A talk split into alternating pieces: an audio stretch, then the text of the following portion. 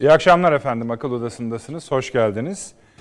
Ee, konuklarımız bir dolma kalem sohbeti yapıyorlar. Ben öyle susturayım onları. Sonra konuklarımızla da paylaşın ama o, o sohbeti. Çünkü dolma kalem ayrı bir kültür. Onun meraklıları da çok. Bizim aramızda Süleyman Hocam biraz meraklı. Ee, onu paylaşıyordu efendim bizlerle. Ama biz asıl gündemimiz üzerinden biraz giriş yapalım. Efendim, e, geçen haftadan günümüze çok fazla madde var işlememiz gereken. Dahası bunların bir kısmı, önemlice bir kısmı birbiriyle rabıtalı, bağlantılı. E, onları hepsini bir arada almadan, araya getirmeden işlemek biraz zor. Onun için en büyük kısmından, en etli kısmından başlayalım istiyoruz. Şimdi efendim Sayın Cumhurbaşkanımızın Avrupa Birliği ve Amerika Birleşik Devletleri'ne yönelik bir takım açıklamaları oldu. Bu açıklamalar zaten birer paragraf, birer paragraf, birer paragraftır. Hem Avrupa Birliği hem de Amerika Birleşik Devletleri ile ilişkili olarak. Avrupa Birliği ile ilgili dedi ki kendimizi başka yerlerde değil Avrupa'da görüyor, geleceğimizi Avrupa ile birlikte kurmayı tasavvur ediyoruz. Amerika için de dedi ki Amerika ile uzun ve yakın müttefiklik ilişkilerimizi bölgesel ve küresel tüm meselelerin çözümünde aktif olarak kullanmak arzusundayız. Rusya ve İran gibi köklü tarihi münasebetlerimizin bulunduğu ülkeleri de asla göz ardı edemeyiz. Bu notu düşmekle birlikte genel vurgu batıya yönelik yani Avrupa ve Amerika Birleşik Devletleri'ne yönelik bir bunun adını nasıl koyacağız bilmiyoruz. Biraz bu akşam belli olacak o. Açalım diyebilirsiniz.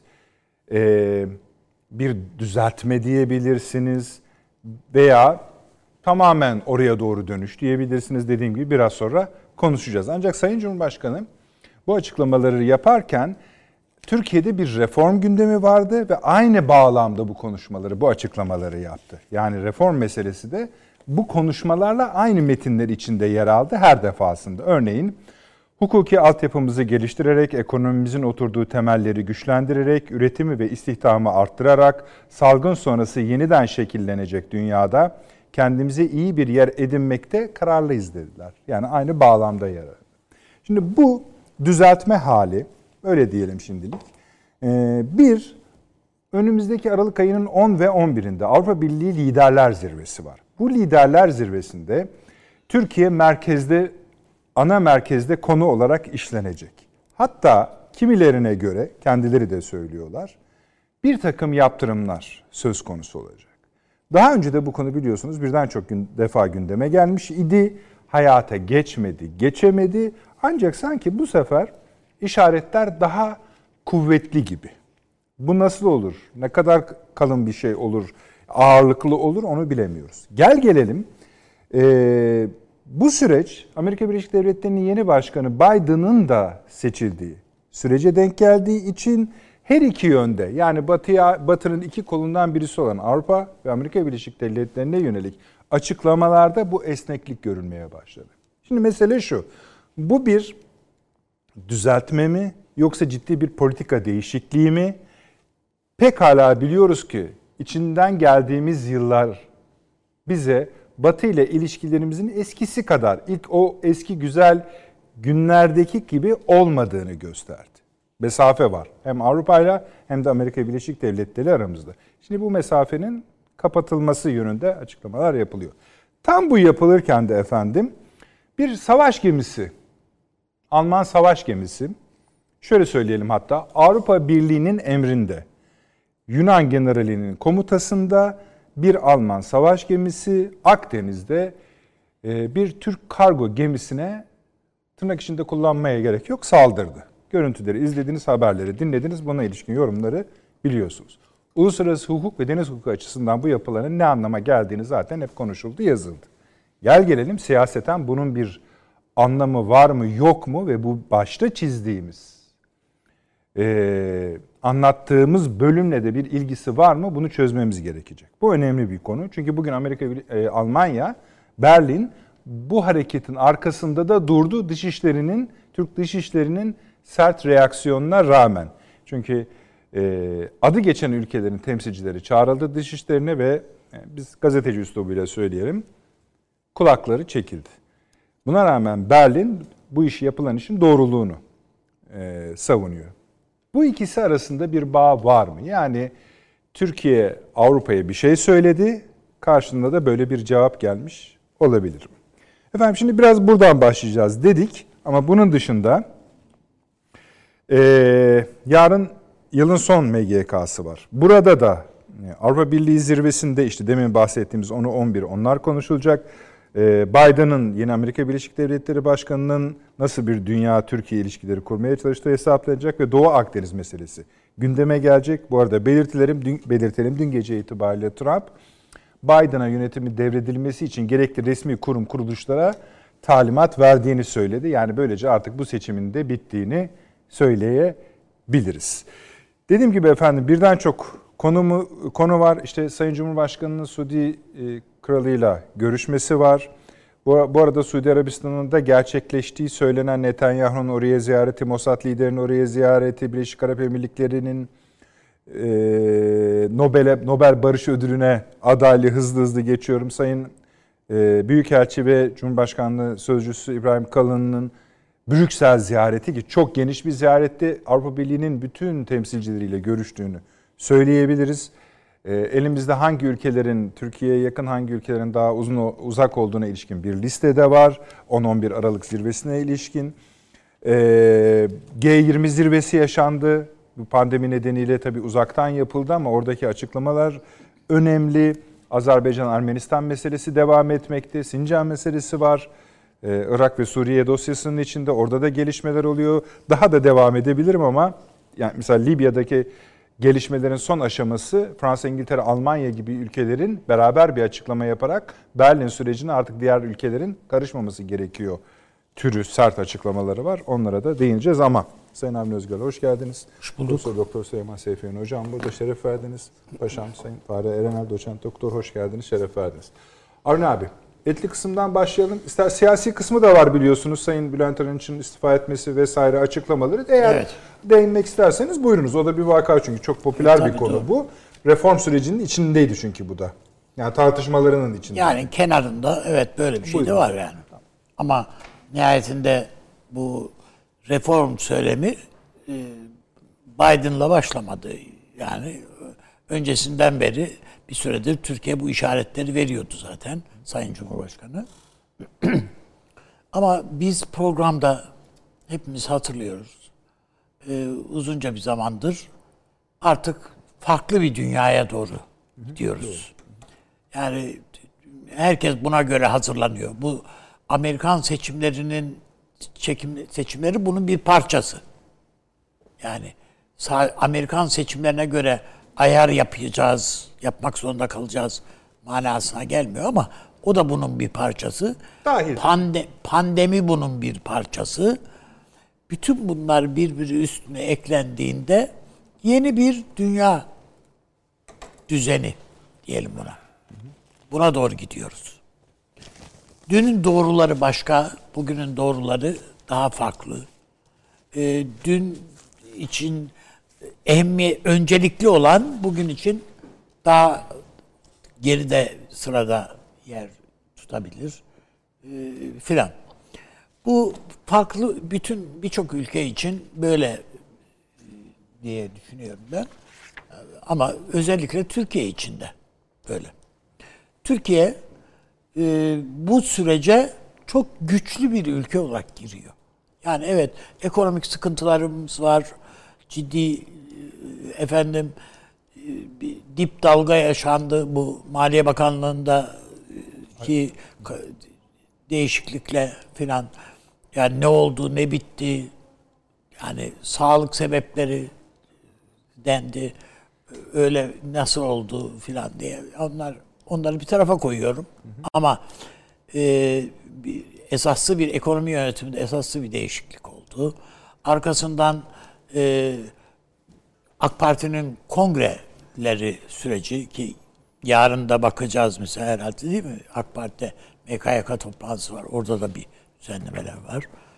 Öbür taraftan bakıyoruz Cumhuriyet Halk Partisi'nin içerisinde yani Biden'a hani rica ediyoruz hani Türkiye'ye şunları şunları yaptırın diye böyle Öyle yani hiç akla ziyan demeçler filan yani. Onlar da var tabii. Yani Ünal Sonra, Bey artık bizi buraya sokmayalım istedim ama. Evet ama bu yani Gerçi sonradan Cumhuriyet Halk Partisi de toparlamaya çalıştı lafları e, efendim ama ne kadar toplasan topla yani olmuyor. Yani bir O kadar dağıldık Yani kadar. bir adeta liste verdi. Hani şunu da yapsanız hani hazır eliniz değmişken falan gibilerden. Ya, tabii bir siyasi partiye, Türkiye'nin ana muhalefet partisine e, yakışan bir durum değil bu. Bence kimseye bir yeter. durum. Yani kimseye değil de tabii Türkiye'de kendisini iktidar alternatifi gibi gören bir partiye yakışan bir şey değil.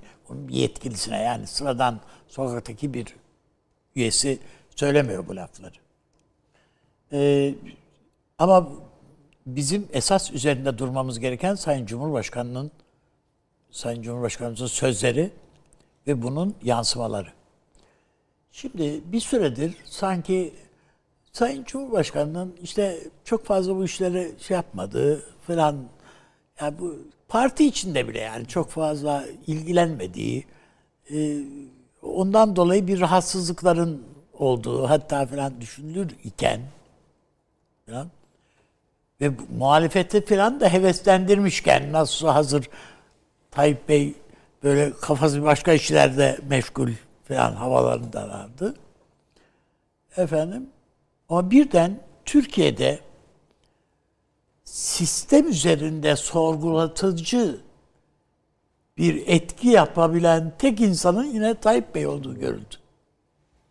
Yani söylediklerine aç, katılır, katılmaz, taraftar olsunuz, muhalif olsunuz o ayrı. Ayrı konu. Ama onun konuşması üzerine bütün gündem Buraya Erdoğan'a döndü tekrar. Ve haksız mı? Hayır, haklı. Yani öteden beri herkesin hatta bir- birçok kişinin CHP'li olsun, başka partiden olsun birçok kişinin altına imza atacağı şeyler sadece ya yetmez ama evet e, diyebilirler veya neden şimdi diyebilirler ama yani bunun dışında bu bu söylenenler yanlış diyemezler. Burada e, tabii bir Adalet Bakanlığı'nda bir hazırlık tabiatıyla var idi. E, ama tabii bazı şeyler, e, mahkeme kararları, şunlar bunlar Cumhurbaşkanımız o şeyini e, havasındaki o tam böyle e, iyi giden şeyde şıklığa bazen ufak şeyler e, lekeler de verdiler. Yani hani kraldan çok kralcılar vardır bazen. Neyse yani bu veyahut da endazeyi kaçıranlar oldu. Yani işte onu da hazır şey yapmışken onu da serbest bırakalım, onu da gönderelim, bunu da tut, kurtulalım, kurtaralım falan diye. Bu işin bu tarafı sadece Cumhurbaşkanımız bir defa söylemekle kalmadı. Bu mesajlarını Avrupa'ya Sayın İbrahim Kalın vasıtasıyla Avrupa'nın bütün önemli düşünce insanlarına ya karar vericilerine doğrudan birebir ulaştırdı. Birebir. Yani biz şunu, şunu, şunu, şunu, şunu yapmayı istiyoruz. Bunu taahhüt ederiz. Doğrudan doğruya Cumhurbaşkanımızın şeyidir. Bu diye. Ve Cumhurbaşkanımızın sözleri de hakikaten basbaya kesin şeyler niteliğinde ta- e, olarak yansıdı. Bunun tabi Avrupa Birliği'nde ne etki meydana getirdiğine ilişkin e, İbrahim Kalın Bey'in bir açıklama yapması belki beklenirdi ama herhangi bir açıklama ben işitmedim. Az bir şey yani. Yani o değil yani iyi filan işte şeyler filan. Çünkü iyimser bir hava estirirseniz nihayetinde önümüzde bir iki haftalık bir zaman var.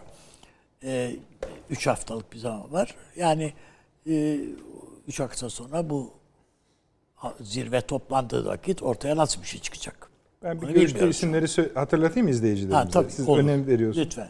Avrupa Birliği Konsey Başkanı Charles Michel, Dış Politika Başdanışmanı Marian van der Hauel, AB Komisyon Başkanı Ursula von der Leyen'in kabine şefi Johan Seibert ve AB Dış İlişkiler Servisi Genel Sekreteri Helga Schmidt'le görüştü tek tek. Başka görüşmeleri de var ama Avrupa Birliği içinde en yüksek statüdeki Evet. şeyler Ama bunlar. onun ötesinde de Kendisinin dış- söylediği de Evet. işte özgürlük, demokrasi ve güvenlik dengesini bir arada tutarak evet, Türkiye'nin bir bir reform evet e, şeyin içerisine gireceğidir. Ondan sonra e, onun ötesinde de e, bildiğimiz kadarıyla e, Dışişleri Bakanlığı da tabii sadece e, İbrahim Kalın Bey'in temaslarından ibaret değil. Dışişleri Bakanlığı da bir takım kanallardan e, şeyler aktarıyor, e, temaslarda bulunuyor. Bugün mesela Macron hiç ke- kendisinden beklenmeyecek bir laf etti. Karabağ Azerbaycan'ındır dedi. soru üzerine. Hem de Ermenilerin bir toplantısında söyledi bunu. Niye müdahale etmediniz sorusuna verdiği cevap. Orası Azerbaycan'a ait dedi. Azerbaycan, orası Azerbaycan'a ait. Yani hukuken bir hak bir haklı olmamız gerekirdi. Hukuken haklı falan olunamaz orada dedi. Yani halbuki bu havada değildi daha önce. Yani olmadığını biliyordu. Hukuken haklı olunamayacağını da biliyordu ama yine de kuyruğu yukarıda tutuyordu. Bunlar Türkiye'nin girişimleri sayesinde mi? Hayır. Türkiye'yi bu süreçte elini birazcık güçlendiren belki dün değil evvelsi günkü bu gemi baskını oldu. Yani tam böyle zirveye giderken Türkiye'yi suçüstü yakalamanın peşin hevesine girdi. Kapıldı herhalde birileri. Muhtemelen. Efendim. Ee, orada da elleri boş çıkınca e, yani eldeki bulgurdan oldular yani. Pirince gidiyorlardı. Bunu bir tavır olarak değerlendiriyor musunuz? Ha? Tavır olarak değerlendirmiyor musunuz geminin? Tabii tabii tabii tavır olarak. Nihayetinde herkes şimdi suçu birbirine atıyor. İtalya diyor ki evet bizim şeyimiz ama yani komuta e, şeyde A, kararı veren AB. Öbür taraftan diyor ki hiç, biz öbürü Almanya diyor ki ya tamam da e, zaten sorumlusu İtalya diyor. Filan.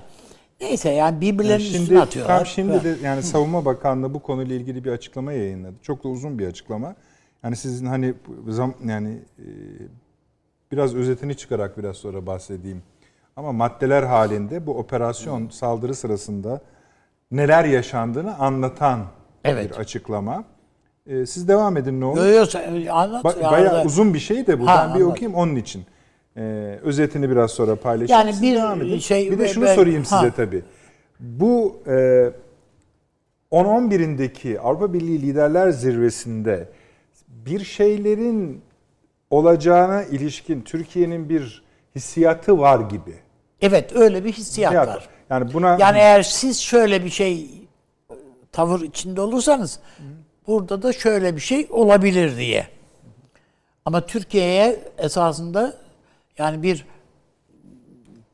laf değil e, somut bir şeyler olması lazım Türkiye'ye bunu siyasetin bunu Türkiye iç siyasetine aktarabilmesi için yani işte ne bileyim serbest dolaşım veyahut da işte ne bileyim işte vize serbestisiydi. E, onlar da bize aynı şeyi söylüyor. Bunlar da, işte neyse yani bunlar işte herkes birbirine bir şeyleri söylüyor.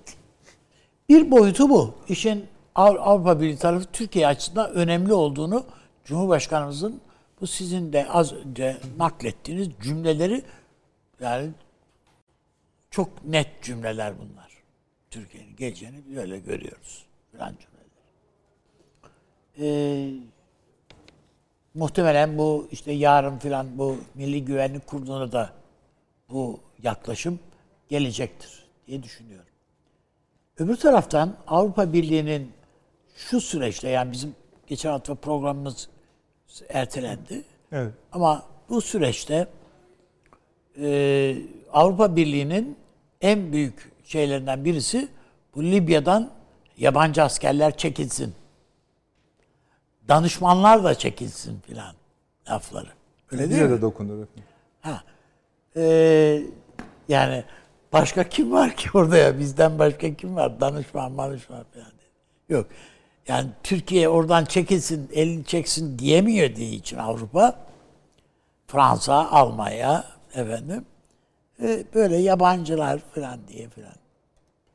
Türkiye sanki e, bunu hiç duymamış gibi orada eğittiği askerleri şey verdi. Yani karargahta orada e, geçit töreni falan yapıldı yani diplomalar verildi. Libya'da. Öyle yani gizli kapaklı değil yani. Bu.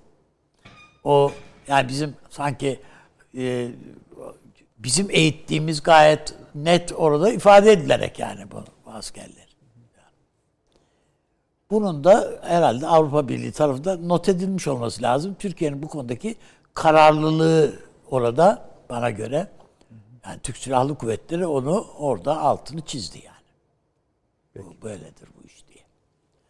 Öbür taraftan e, Putin'den gelen mesajlar, sinyaller Ankara'ya benim ben yanlış takip etmiş olabilirim bilmiyorum ama çok sağlam mesajlar. Güçlü yani mesajlar. Türkiye ile dayanışma halinde. işbirliği halinde mesajlar.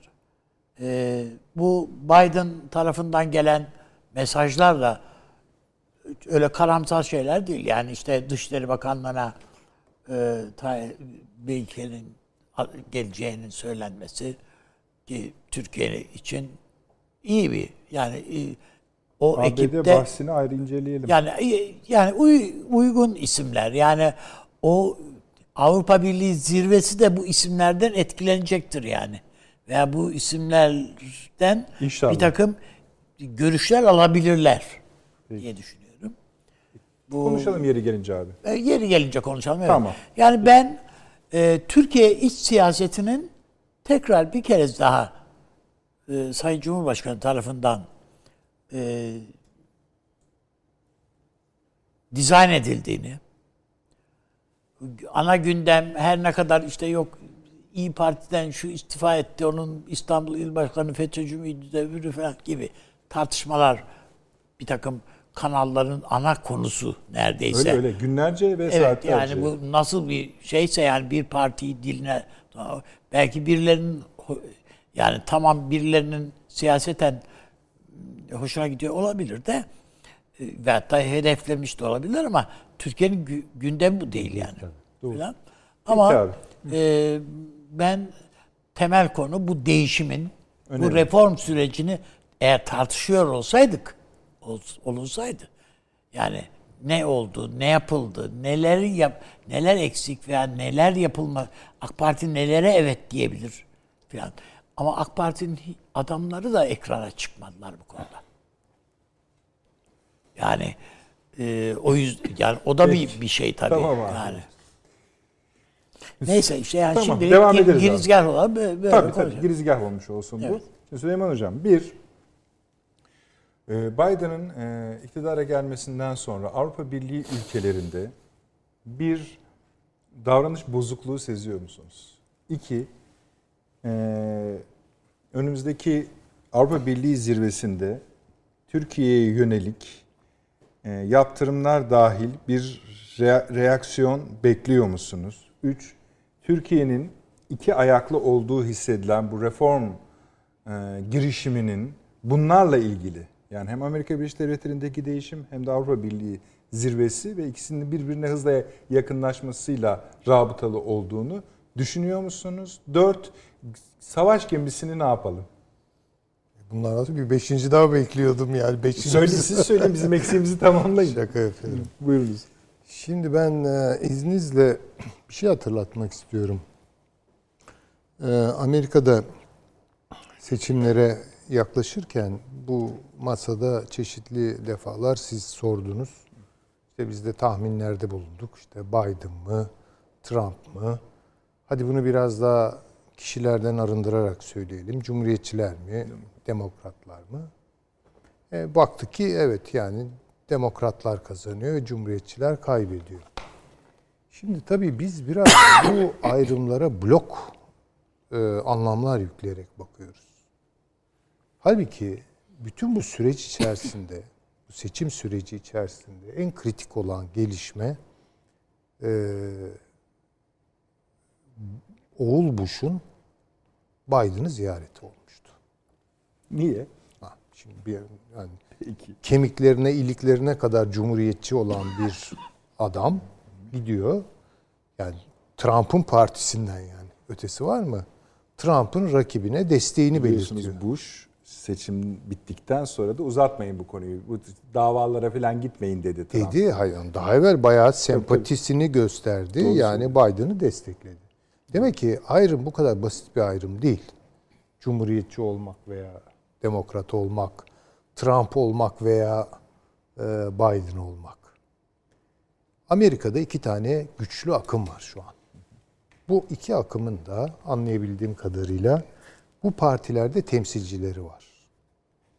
Yani e, bugün belli bir siyasi figür hakkında Amerika'da konuşmak gerekiyorsa yani bu cumhuriyetçi mi veya demokrat mı diye sormamak lazım. Şöyle sormak lazım. Neokon mu, paleokon mu? Şimdi bu ayrım biz bu masada yaptık e, biliyorsunuz, hatırlayacaksınız. Trump bir paleokon. Yani paleokon ne demek? Tabi bu biraz alengirli bir laf oldu. E, açalım onu, hatırlatalım e, en azından. Amerika'nın içe kapanma, kapanmasını savunan bakış. Yani dünyada patırtılara, kavgalara fazla karışmayalım. Asker çekelim, sermayemizi çekelim, teknolojimizi çekelim ve Amerika'yı yeniden işte bu Monroe, yeni Monroe doktrini gibi bir şey yani içine kapatmayı düşünen bir bakış. Trump bunu temsil ediyordu. Hatırlayalım o aralar Akdeniz'de neler oluyordu. Yani koca Libya karışıyor. İşte Rusya giriyor, Türkiye giriyor, Fransa oradan burnunu uzatıyor filan bir şeyler oluyor. Amerika yok. Amerika bir şey söylemiyordu. Uzun bir zaman değil mi? Yani Amerika'dan bir ses çıktığını görmedik. Suriye konusunda Amerika var mı yok mu belli değil. Evet bir laf dolaşıyor. Orada işte PKK devleti kurdurmak istiyorlar falan ama hani böyle performansına alıştığımız bir Amerika yok. Hakikaten öyle. Ve burada bir takım boşluklar doğ- doğdu. Hatta zannettik ki biz yani işte Amerika'nın doğurduğu bu boşluklar üzerine işte Rusya giriyor, burnunu sokuyor falan. İşte Türkiye'nin eli rahatlıyor falan. Belki bunun da katkısı olmuştur. Ee, olmamıştır demiyorum. Ee, neokon çizgi ise bugün demokratlar marifetiyle Amerika'da iktidara geldi. Bunu unutmayalım. Ve Biden'ın dünyaya saçtığı mesajlar, işte demokratik değerler, uluslararası hukuk, bilmem ne falan filan bunları bunları unutun. Amerika'da bugün iktidara neokon e, yapı geldi. Hatırlayalım Trump ikide bir ofisinde adam değiştiriyordu değil mi yani? Yani çünkü muhafazakar bir dalga onu iktidara getirmişti. Ama o muhafazakarların ne tarz muhafazakar olduğu sonradan ortaya çıkıyordu. Ve neokon gördüklerini çiziyordu. Mesela Bolton en tipik. Yani bu adam Amerika'nın başını dünyada belaya sokacak adam diye bunu Tabii canım. bir, bir manada postaladı. Yani Biden Gider ayak bile Hindi, e, Irak'taki askerlerini boşalttı. hala bunun için Hala. çaba gösteriyor. Bunun için çaba gösteriyor. Trump geri çekiyor. Yani uluslararası performansı tamamen İsrail'i bu bölgede rahatlatmaya dönüktü. Başka bir atağını gördünüz mü siz? Oraya saldırdı buraya. Ya Amerika bir bir savaşla anılmadı bu dönemde. Halbuki şimdi izlenime bakın dünyada sanki Trump militarist değil mi yani? Öteki barışçıl. Hayır, tam tersi. Öteki çok daha saldırgan çıkacak. Biden çok daha saldırgan çıkacak. Ha bunu Bunda tamamen mutabıkız. Evet ya bunu e, güzel kamufle Bir de edecek. şöyle müsaade ederseniz Buyurun. unutmayın bağlantınızı.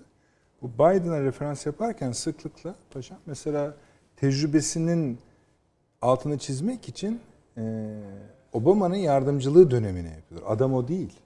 Tabii Adam o tabii değil. tabii. O adam dünyayı dolaşırken Obama daha kısa pantolonluydu. Tabii tabii.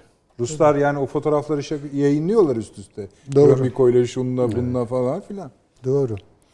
Ee, Yani, Soğuk öyle- savaş şeyi var yani. işte esas. onu diyorum. Çok Yani Dışişleri İşin Bakanlığı'ndan tuhafı şu. söz ettiğimiz adam 25 senedir siyasetin içinde. şunu e, öngörüyorum ben. Bugün iktidar olan o demokratik yüzlü Amerika'da kurumsal dengeleri yeniden hangi kurumlarmış onlar bakalım biraz konuşalım yani ne kurumlarıymış onlar. Kurumsal dengeleri ortaya e, yeniden parlatarak çıkaracak olan işte Avrupa değerleriyle Amerikan değerlerini buluşturacak olan işte Çin'in Hong Kong e, siyasetine e, yok bilmem Uygur meselesi Türkiye'de Erdoğan denilen tırnak içinde diktatör Tabii. yani işte Öyle de- dedi zaten. Bakın bunlar birer aldatmacı, bunların Savaş aldatmacı geliyor olduğu- onun arkasından. Yani unutmayalım şu an demokrat görünümlü neokonlar kazandı. Tabii Ve doğru. paleokonlar kaybetti. Ha bu Amerika'nın yararına mı oldu? Hayır. Ben burada da gene arz etmeye çalışmıştım. Ee, Biden'a oy verenler Amerika'ya oy vermediler dedim. Bu sebepten ötürü dedim. Şimdi dolayısıyla ne bekleyeceğiz? Şimdi hesaplarımızı bu çerçeveye uydurmak zorundayız. Bir, Amerika Birleşik Devletleri ile Avrupa Birliği arasında yeniden bir eklemlenme, NATO üzerinden bir eklemlenme var. Dolayısıyla bu eklenmenin, eklemlenmelerin Doğu Akdeniz bölgesinde, yakın doğuda, bana kalırsa bereketli hilaldir oraların adı. Bereketli en başta da Türkiye üzerinde çok ağır baskıları gelecek. Bunları beklemek zorundayız. Şimdi Türkiye buna karşı ne yapıyor? İşte Sayın Cumhurbaşkanı işte diyor ki yani bizim Batı'yla esastan prensipiyel olarak bir kavgamız yok. Şimdi bunu şöyle yorumluyor bir takım çevreler Türkiye'de. Yani Erdoğan gördü durumu sıkıştı. Oraya döndü. Oraya döndü. Sempati yoklaması yapıyor falan. Peki şöyle düşünelim. Yani bundan 3 ay evvel, 5 ay evvel e, bu lafı etseydi çok yadırganacak bir laf mı bu? Türkiye'nin zaten 300 senelik bir batılılaşma tarihi var. Yani hatta ben daha ileri bir şey söyleyeyim. Bin senelik Türk tarihinin yani istikameti batılılaşma istikametidir. Yani biz Orta Asya'dan buralara gelmiyoruz. Yani batıya geliyoruz biz. Balkanlara yürüdük canım. Balkanlara yürüdük. Bu batılılaşma tarzıdır ve Balkanların fethi nasıl Osmanlı'yı kültürel olarak etkilediyse, şekillendirdiyse çok önemli bir şey geliyor oradan çünkü. Ee, etki geliyor. Ha Osmanlı bunu kendi potasına döküp işte damıtmasını bilmiş mi? Evet bilmiştir de ama bu süreci farklı yorumlam. Yani Osmanlı doğu olarak görmüyor kendini. Türkiye'de görmedi zaten. Onun için ben Türkiye'deki bu doğu batı tartışmalarını biraz garipserim doğrusu. Dolayısıyla yani Erdoğan'ın e, Sayın Cumhurbaşkanı'nın bu vurgusunda böyle e, kaldırılacak, indirilecek çok fazla bir şey İkinci görmüyorum ben. sizin gördüğünüzü tahmin ediyorum orası da görmüş. Şöyle e, daha öncesini bir kenara bıraksak bile sadece Osmanlı'nın Avrupa'da 600 yıllık geçmişi vardır. Bugün de kendimizi Avrupa'nın ayrılmaz bir parçası olarak görüyoruz. Ama bu ülkemize ve milletimize yönelik açık saldırılara, farklı kılıflar altında dayatılan haksızlıklara, çifte standartlara boyun eğeceğimiz anlamına da gelmiyor. Aynı şekilde Türkiye'nin sınırlarının güvenliği ve savunma ihtiyaçları konusundaki hassasiyetine saygı gösteren bir Amerika ile bölgesel ve küresel düzeyde yapılacak çok işimiz var. Yani evet oraya bakıyoruz aynı yerdeyiz Tabii, ama artık eskisi gibi bunları istismar edemezsiniz. Edemezsiniz. Ha ama siz diyorsunuz ki şimdi tamam burası buraya her şey doğru. Da adamlar o adamlar mı? Ha, şimdi bu oraya geleceğim. Ha. Önemli. Şimdi bu Türkiye'nin belki yapması gereken bir şey. Yani Avrupa'ya şunu hatırlatmış oluyor bana kalırsa e, Sayın Erdoğan. Diyor ki yani ben senin doğu olarak bahsettiğin dünyanın içindeki en batılı aktörüm. Ve senin kapındayım. Sen bunu istediğin kadar yani beni içeri almayabilirsin ama ben kapıdayım. Dolayısıyla benim varlığım üzerinden düşünmen lazım istikbalini de. Eğer sen yayılmak istiyorsan ki Avrupa'nın biliyorsunuz yani böyle bir işte Asya kaynaklarına ulaşma, işte Asya'daki fırsatlarla kendini yeniden ayağa kaldırma. Çünkü çok yaşlandılar ve ekonomileri çok kötü. Yani. Dolayısıyla kendini yeniden üretmek için bana da bana da ihtiyacım var. Ey Avrupa, şu an NATO üzerinden üzerindeki Amerikan baskısını makus talihin olarak görme. Ben de varım burada. Yukarıda da Rusya var. Ya onlara da bunu hatırlatmış oluyor. Yani ben seninle işbirliği yaparım. Adil bir müzakere ortamında, adil şartlar içerisinde bu senin de yararına olur. Yani bu aslında Türkiye üzerinden Avrupa'nın kendi hesaplarını yeniden tartması için onlara yapılmış bir ihtardır. Muhtemelen Sayın Kalın'ın da Belçika'da Evet. yaptığı şeyler budur. Yani bakın Türkiye'yi sakın atlamayın. Türkiye'ye bu Yunan Yunanistan yüzünden yürüttüğünüz bu husumet sizin daha sonraki ağır kayıplarınıza yol açacaktır. Biraz da entelektüel bir tartışma yapmıştır herhalde Sayın Yani belki onu orada. tabii adına konuşmuyoruz ama şu çok açık e, tabii bu dört sorudan kaçına cevap oldu bu söylediklerim Aslında onu ikisini kurtardınız. ikisini kurtardık. bir kere Doğu Akdeniz'de artık boşluk yok. Bunu görecek Türkiye. Yani öyle "A bakalım Amerika ne diyor diye bir şeyi sormaya fırsatımız bile olmayacak çünkü açıklamalar gelecek. Ve Almanya'nın sivil bir Türk gemisine yaptığı bu hukuk dışı rezaletin son perdesi ve bence mutlaka cevabının verilmesi lazım. Ya iki tane Alman gemisini durduracak Türkiye, arayacak. Bakın. Başka türlü olmaz. Ya bunu Türkiye yutuyorsa çok yanlış yapar. Kınamak falan olmaz burada. Bas veya durduracaksınız. Ha, sen yapıyorsun. Ha, Haçan sen yapıyorsun. Ben de yaparım o halde. Esasında bu Irak'taki çuval hadisesi. Gibi bir şey. O Bakın kadar bu ağır değil herhalde Ya abi. o tabii Yani, o kadar yani, sem- yani, tabii askeri ama- bir şey değil ama Yani- yine de e, onun bir gömlek aşağısı ama benzer bir hadise. Cevap verilmesi ben de bir kere tamamen. Türkiye'nin hakikaten çok kararlı olduğunu ama bu kararlılığın e, saldırganlık içermediğini, bunun müzakereye açık tarafları ama her müzakerede mutlaka masada e, Gemide o savaş gemisi siyasi bir mesaj taşıyor mu? tabii ki çünkü şımardılar yani Biden geldi ya Tamam o yani. Almanya dedi ki artık ben daha rahatım yani Türkiye'nin üstüne gidebilirim. Yani Fransa hatta- Almanya'yı geçti şimdi. Belki Biden de evet konusunda. evet.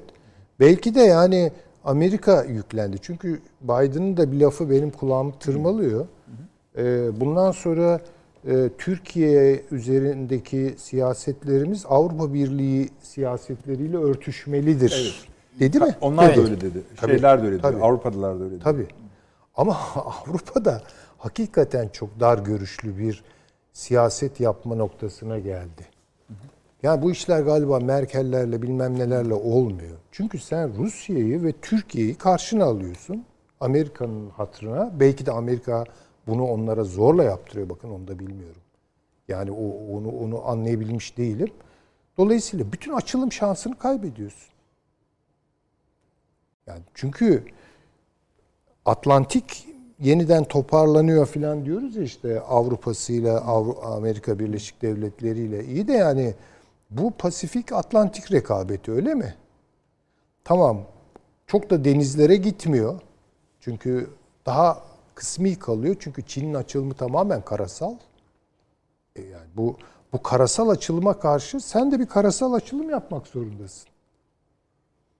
Bunu ne, neyle yapacaksın? Kimle yapacaksın? Şimdi dolayısıyla bunları çok hesap etmiyorlar. Dolayısıyla bu Avrupa'nın da hayrına bir adım değil. Yani bakın bunu görecekler. Bu zaten Ben çok- lider sorunu biliyorsunuz. 10 yıldır vardı. Tabii tabii öyle ama şunu da e, hani ben çok öngörülerde bulunup böyle ahkam kesmek falan e, taraftarı değilim ama yani kafamın içindeki hesaplara baktığım zaman yani birkaç defa böyle sağlama yapıp tartarak baktıktan sonra Avrupa'nın başka bir çıkış yolu yok Türkiye'ye. Dolayısıyla belki şunu yapıyorlar. Türkiye'yi iyice kendi kıvamımıza getiririz. O kıvamda nasıl kıvam işte iç siyasetteki yankılarını falan görüyoruz. Dolayısıyla yanımıza almak suretiyle ama aynı zamanda ezerek onu yanımıza eski almak. düzen. Eski düzen tabii ki. Eski ama güzel ama işte bakın bunun olmadığını gördükleri zaman ki görecekler bunu.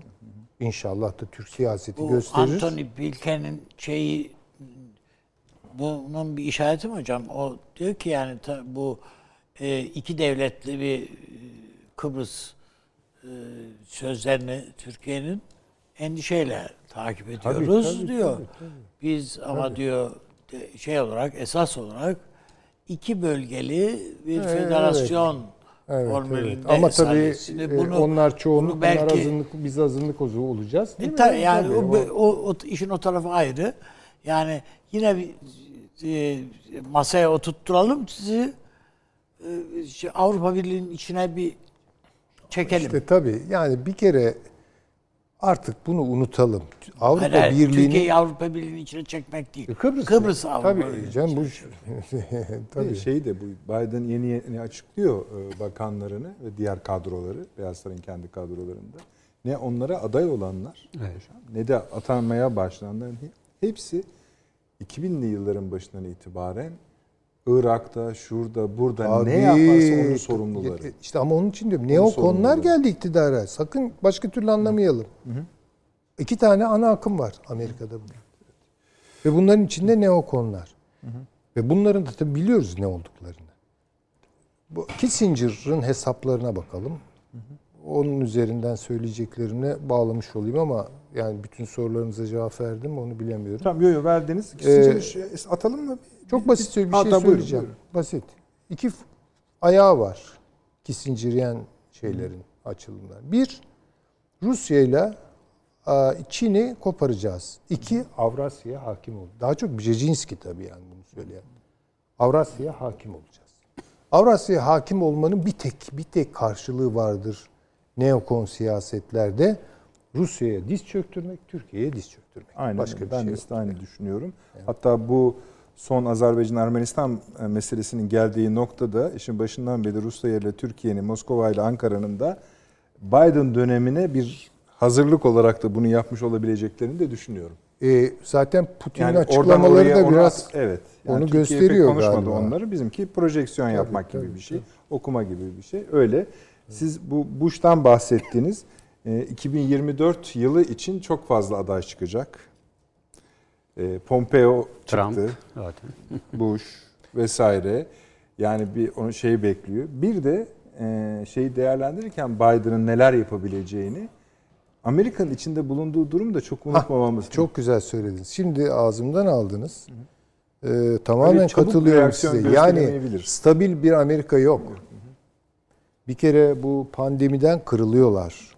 İşsizlik öyle. olağanüstü büyümüş vaziyette. Hocam cesetleri Ve bakınız- gömemedikleri için Tabii, tabii. konteynerlarda bekletiyorlar. Ve bakın ne ilginçtir. Böyle bir Amerika yani artık evsizler, işsizler e, devamlı böyle kaynıyor. Bir Biz de gelirken arabada ayrım. oranın şey e, hanımefendi sağlıktan sorumlu 300 binli aşacağız dedi. Tabii. Ölü Şimdi sayısı. siz böyle bir durumda neokon politikalar yürüteceksiniz dünyada gidip- ve savaş ve yani evet. ve Amerikan çizmesi öyle mi?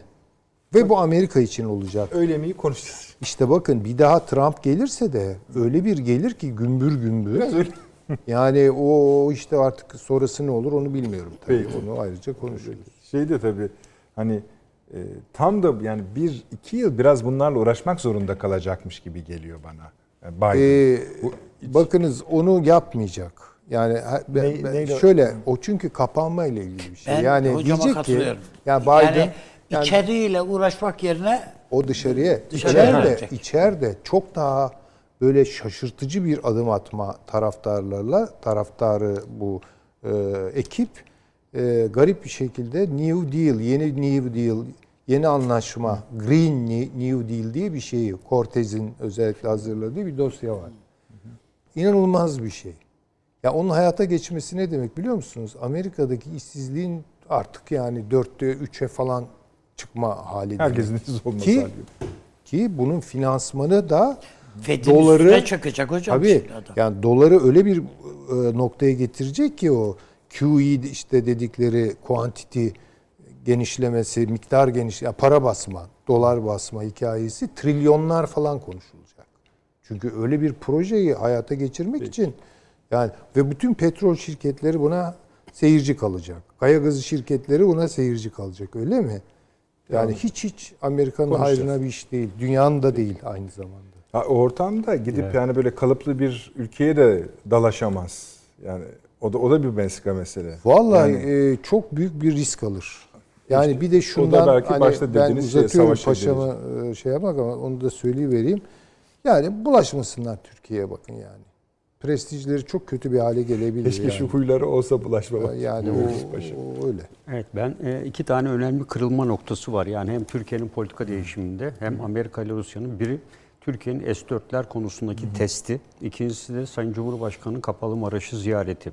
Kapalı Maraş konusu Avrupa Birliği konusunda e, yaptırım sürecini ben hızlandırdığını düşünüyorum. E, Amerika Birleşik Devletleri içinde, e, Trump içinde ben e, son dayanma noktasının e, şimdiye kadar katsa dahil diğer yaptırımları ötelemesinin önünde e, S-400'lerin e, hala eğitim vesaire gibi bir takım gerekçelerle bugüne kadar aktif hale getirip kullanmamamızdı. Ama e, test yaptırıldığı anda e, bence ne kadar Yunanistan da yapmış olsa da e, Amerika Birleşik Devletleri'nin özellikle Trump'ın e, kongreye karşı e, elinde fazla bir koz kalmadı. E, Aralık ayının ortasında e, 2021 yılı Amerikan ulusal güvenlik e, konusundaki bütçesi oylanacak. Bunun içerisine geçen ay e, Türkiye ile ilgili S-400 yaptırımları konusu dahil edildi. E, 740 milyar dolarlık bir bütçe bu. Amerika'nın bütün dünyadaki savunma faaliyetlerini, işte PKK, YPG olan desteğini de ifade ediyor. Ve her iki taraftan da üçte iki çoğunlukla geçici öngörülüyor ve Trump'ın önüne geldiğinde de bunu erteleme imkanı olmayacağı ifade ediliyor. E, Dolayısıyla Biden'dan evvel e, Trump e, Trump'a bir bakmak lazım. Yani bu süreçte Biden öncesi neler değişecek Türkiye açısından ki en yakın olan burada Türkiye yönelik yaptırım. Birincisi Amerika'dan geleceğini ben öngörüyorum. E, bu katsayı yaptırımları 12'sinden işte 5'ini seçecek, uygulayacak. E, tabii belinde bir tek bu yetki var ama mutlaka bu sefer uygulamak zorunda kalacağı ifade ediliyor. E, Amerika Birleşik Devletleri'nde kongrede oluşan havaya göre. İkincisi e, Avrupa Birliği'nde de yine e, aynı şekilde e, bu zirvede Türkiye yönelik bir yaptırım e, çıkacak. E, çünkü bugüne kadar e, Yunanistan'ı e, bir şekilde e, dizginlediler. Ki Biraz Avrupalılar buna şey diyor yani farklılaştırılmış bütünleşme.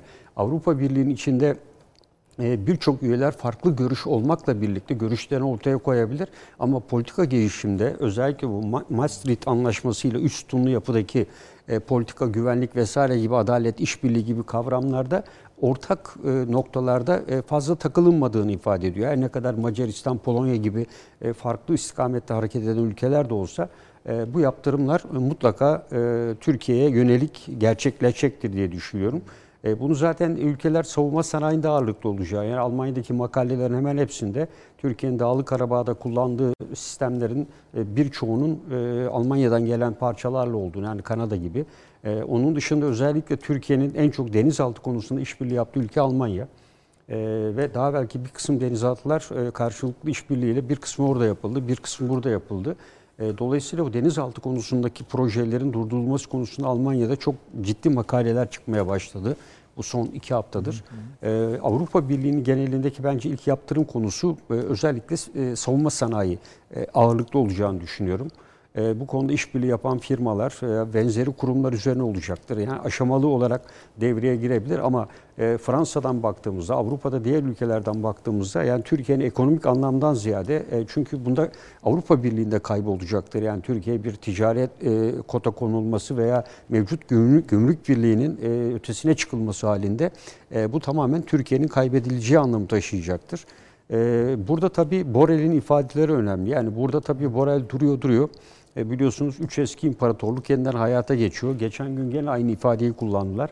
E, Türkiye bu Kafkasya'daki hareketleriyle işte Borel'in ifade ettiği imparatorluk, imparatorluk hayallerini gene gündeme getiriyor vesaire demeye geldiler. Bu tabii Avrupa'yı korkutuyor. Yani bununla birlikte İslamofobiyi de birlikte aldığımızda e, aşırı sağ e, görüşlerinde giderek yayıldığını dikkate aldığımızda ve bir kısım hükümetlerde değişikliğin de aşırı sağcıların iktidara gelmesi olası olduğu düşünüldüğünde bu pandemiyle olan mücadelede de özellikle muhafazakar ve sosyal demokratların başarısızlığı öyle görülüyor. Bütün Avrupa'daki ölüm sayılarında İbre'nin e, büyük ölçüde e, aşırı sağa gideceği e, öngörülüyor.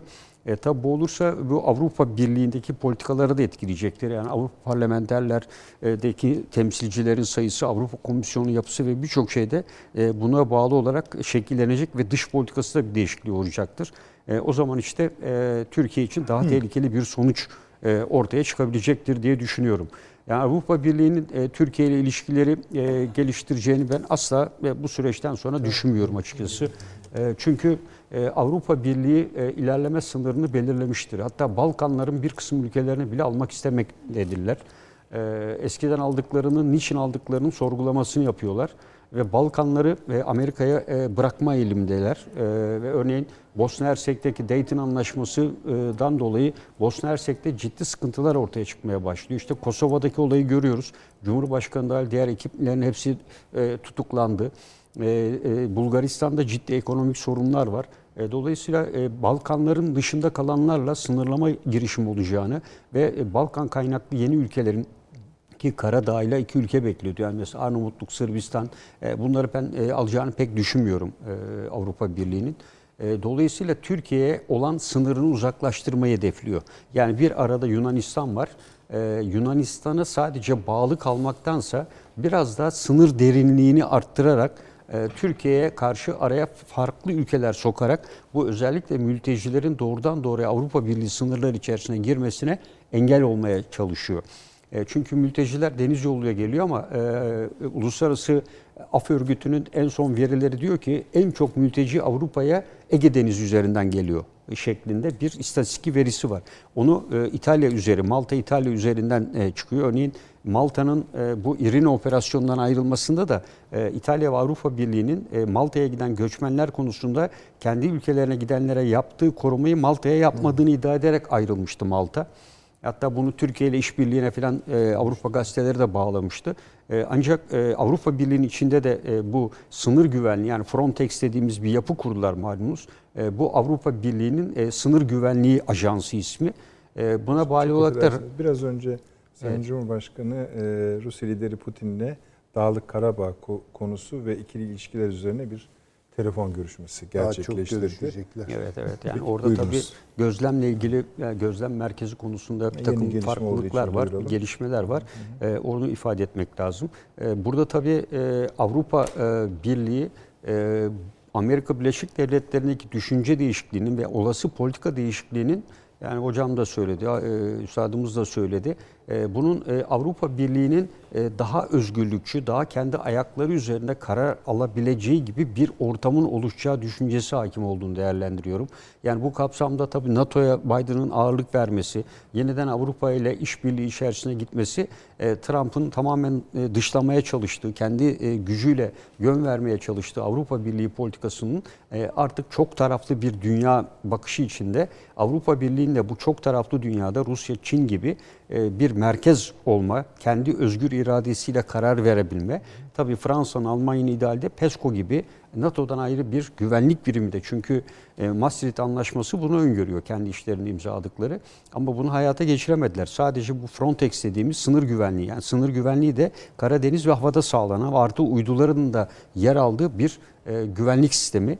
E, bu işte operasyon komutanlıkları oluyor. Yani İrin operasyonun başında da bir Yunanlı e, denizci var. Biz o ürün operasyonuna da çok şey yap bakmıyoruz. Yok ama e, şöyle bir dayanağı var tabii. Yani 2992 2992 sayılı Birleşmiş Milletler'in kararına dayanıyorlar. Yani o kararda diyor ki e, Libya'da çatışmaları sona erdirmek üzere buraya e, silah taşıdığı şüphesi içinde olan gemilere mesela Türkiye teftiş şey ziyareti deseydi paşam. Tamam peki biz tanımıyoruz bu şey, ürün operasyonu dese ne olacak? Birleşmiş Milletler kararına ilişkin olarak Birleşmiş Milletler e, burada aynı Şunun zamanda için soruyorum paşam. O sırada oraya yakın bir savaş gemimiz olabilirdi.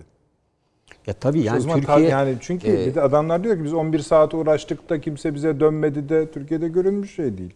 ya Türkiye zaten onu Yani kabul o- etmiyor. Yani, Yani, e, dönmeme. E, Çünkü İran'ın tek taraflı olduğunu biliyor. Yani e, sadece e, buraya silah ve malzemenin denizden geldiğini söylüyorlar. Havadan gelenleri Rusya'nın getirdiklerini veya Birleşik Arap Emirlikleri'nin havadan ve Mısır üzerinden getirdikleri veya güneyden Çat üzerinden gelenleri kimse denetlemiyor. E, Bir tek denizden getirileceği farz ve kabul edilerek yapılıyor. Denizden getiren de buraya eğer getiriyorsa Türkiye destekliyor doğal olarak bir tek Türkiye kastediliyor. Yani ne Birleşik Arap Emirlikleri'nin ne Mısır'ın ne Rusya'nın e, ne Amerika Birleşik Devletleri'nin ne Fransa'nın verdiği koskoca gemiler ve tank savar füzeleriyle yakalandığı Fransızlar orada e, onlara ilişkin herhangi bir şey yok. Yani Türkiye e, bunu kabul etmiyor ama Avrupa Birliği'nin kendi karasuları ki bu e, uluslararası anlaşmalarla da Birleşmiş Milletler Deniz Sözleşmesi ile de işte zararsız geçiş hakkı, e, ondan sonra e, bayrak ülke gibi kavramlarla buradan zaten herhangi bir şekilde aranmadan geçme hakkı var. Yani Türkiye bu konuda haklı. E, ama diyor ki işte ülkeye söylenir. Onlar da diyor ki biz 4 saat haber bekledik vesaire gibi. Elbette kendilerini savunma mekanizması geliştireceklerdir. Yani bu tabii her an e, bir çatışmaya yol açar mıydı? Bence bir Türk gemisinin yanında refakat etmesi asla böyle bir şeye e, Alman gemisinin cesaret edemeyeceğini ben e, düşünüyorum.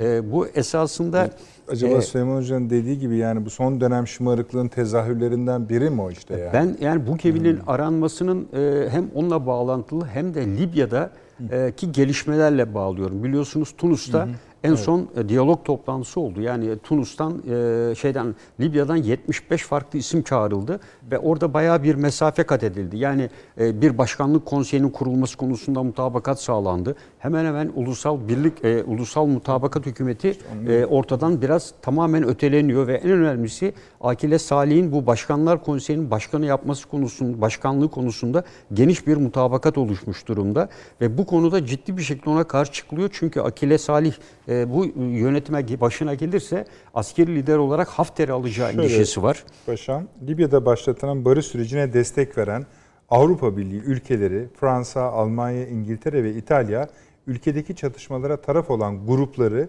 ve onlara destek veren ülkeleri ortak bir açıklama ile uyardı. Başlatılan barış sürecine müdahale edilmemesi istenen ortak açıklamada Libya Siyasi Diyalog Forumu'nu ve Berlin sürecinin diğer unsurlarını etkilemeye çalışan herkese karşı önlem almaya hazırız Tabii. ifadeleri kullanıldı. Dört ülke adına yapılan ortak açıklamada Fransa, Almanya, İtalya ve İngiltere BMGK'nın İngiltere. 2518 nolu kararı ve Libya üzerine yapılan Berlin konferansı sonuçlarına dayanarak 7-15 Kasım'da Tunus'ta düzenlenen, düzenlenen Libya Siyasi Diyalog Forumu'nun ilk tur sonuçlarını memnuniyetle karşıladıklarını duyurdular. Tabii 12-13 Ekim'de yapıldı. Yani bu e, 5 artı 5 de aynı Şimdi zamanda de size yapıldı. Sayın Cumhurbaşkanımızla Putin arasında, Rusya Devlet Başkanı e, Putin arasında yapılan görüşmeye ilişkin Bu şey yani e, bu toplantı ve bu kararlardan sonra zaten Türkiye'nin bu Evet. hava şey askeri üstteki o diploma yeni törenleri falan. Yani yeni İşte- askerleri söylüyorsunuz. Tabii mi? tabii. Tabii, Hani Yani hemen arkasından yapıldı. Yani bu hem 5 şunu artı söyleyeyim 5 paşam. Berlin. Evet. Şöyle Suriye'deki ihti- konu yani aralarında konuştukları Suriye'deki ihtilafın sona erdirilmesi için de Dağlık Karabağ'da olduğu gibi hızlı ve somut adımlar atılması gerektiğine dikkat çeken Cumhurbaşkanı Erdoğan, Libya'nın birlik ve bütünlüğünü korumak için de hem siyasi hem askeri görüşmelerde Türkiye ve Rusya arasındaki işbirliğinin sürdürülmesi gerektiğini ifade etti. Ama işte Avrupa Birliği ve Amerika Birleşik Devletleri Hoca'ya da teşekkür ederim. O alt orayı daireye alıp göndermişsiniz. Ee, bu her ikisi de Türkiye'yi Libya'da tamamen zaten e, biliyorsunuz Amerika hiç Türkiye dış almadan gelişmelere bir bakalım. Ee, bir ateşkes, dört maddelik bir ateşkes e, Amerika Büyükelçisi e, her iki tarafı çağırarak öyle bir ateşkes ilan etmişti Amerika Birleşik Devletleri. O zamana kadar aktif olarak bizim gördüğümüz sahada değilken ve ondan sonra Amerika e, bu ateşkesle birlikte her iki tarafı zorladı ve inisiyatifi ele aldı. Ve e, Pompeo'nun ve, ve Macron'un birlikte yaptığı açıklamalarıyla Türkiye'ye karşı Amerika ve Avrupa Birliği birlikte hareket etmelidir mantığının arkasından bu birliktelik kararını uygulamaya geçtiğini görüyorum. Yani bu hem e, Tunus'ta yapılan e, siyasi diyalog toplantısının sonuçlarına yansımış durumda hem de 5 artı 5'te. 5 artı 5 Berlin konferansının şimdi dördüncüsü de yapılacak. Burada yapılan en önemli kararlardan biri de bütün yabancı askeri güçlerin Sirte ve Trablus üzerinden ülkeyi terk etmesi. E, ikincisi giden yolların açık bulundurulması ve sivillerin geçişi için e, yerlerine dönebilmesi için mayınlı sahaların süratle temizlenmesi e, gibi bir takım kararlar var. E, ve arkasından da bu güçlerin silah ve malzemelerin de çekilmesi konusu var. Yani burada Berlin konferansının o yüzden o dört ülkenin yaptığı açıklama da temel hedef Türkiye.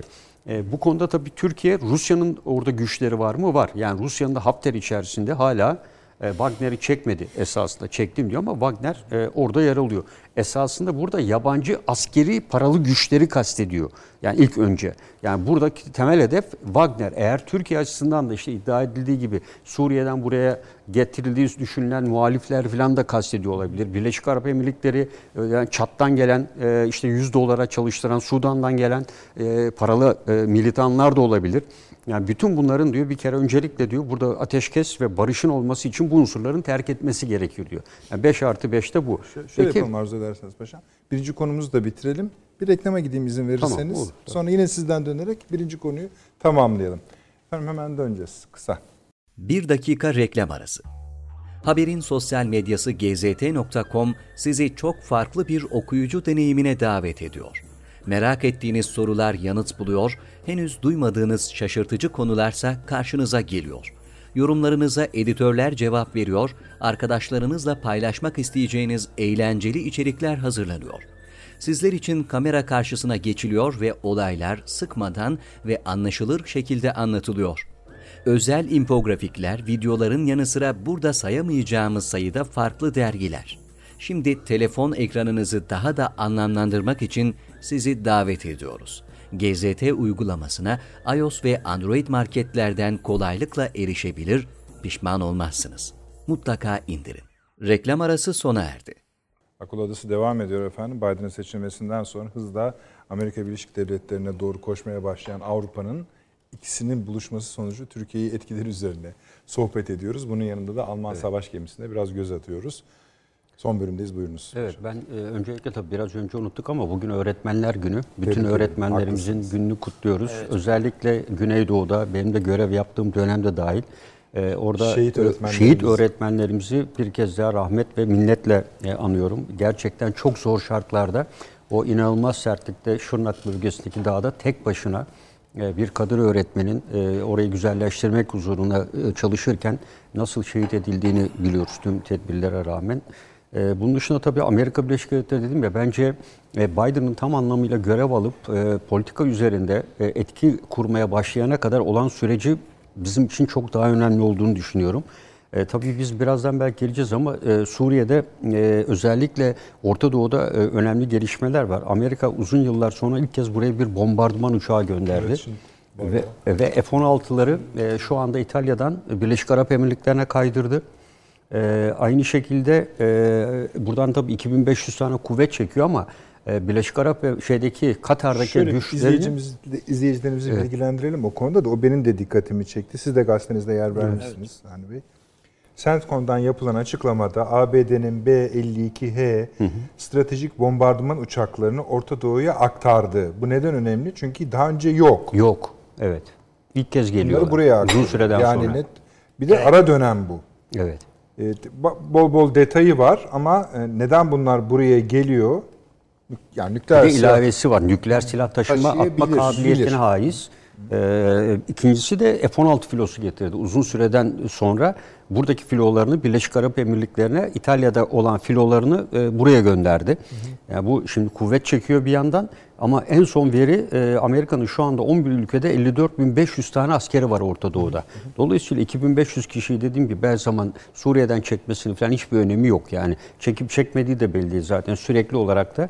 Diğer bir konu da İsrail'in e, Golan ve İran Hizbullah unsurlarına karşı son bir haftada saldırılarında inanılmaz bir artış var.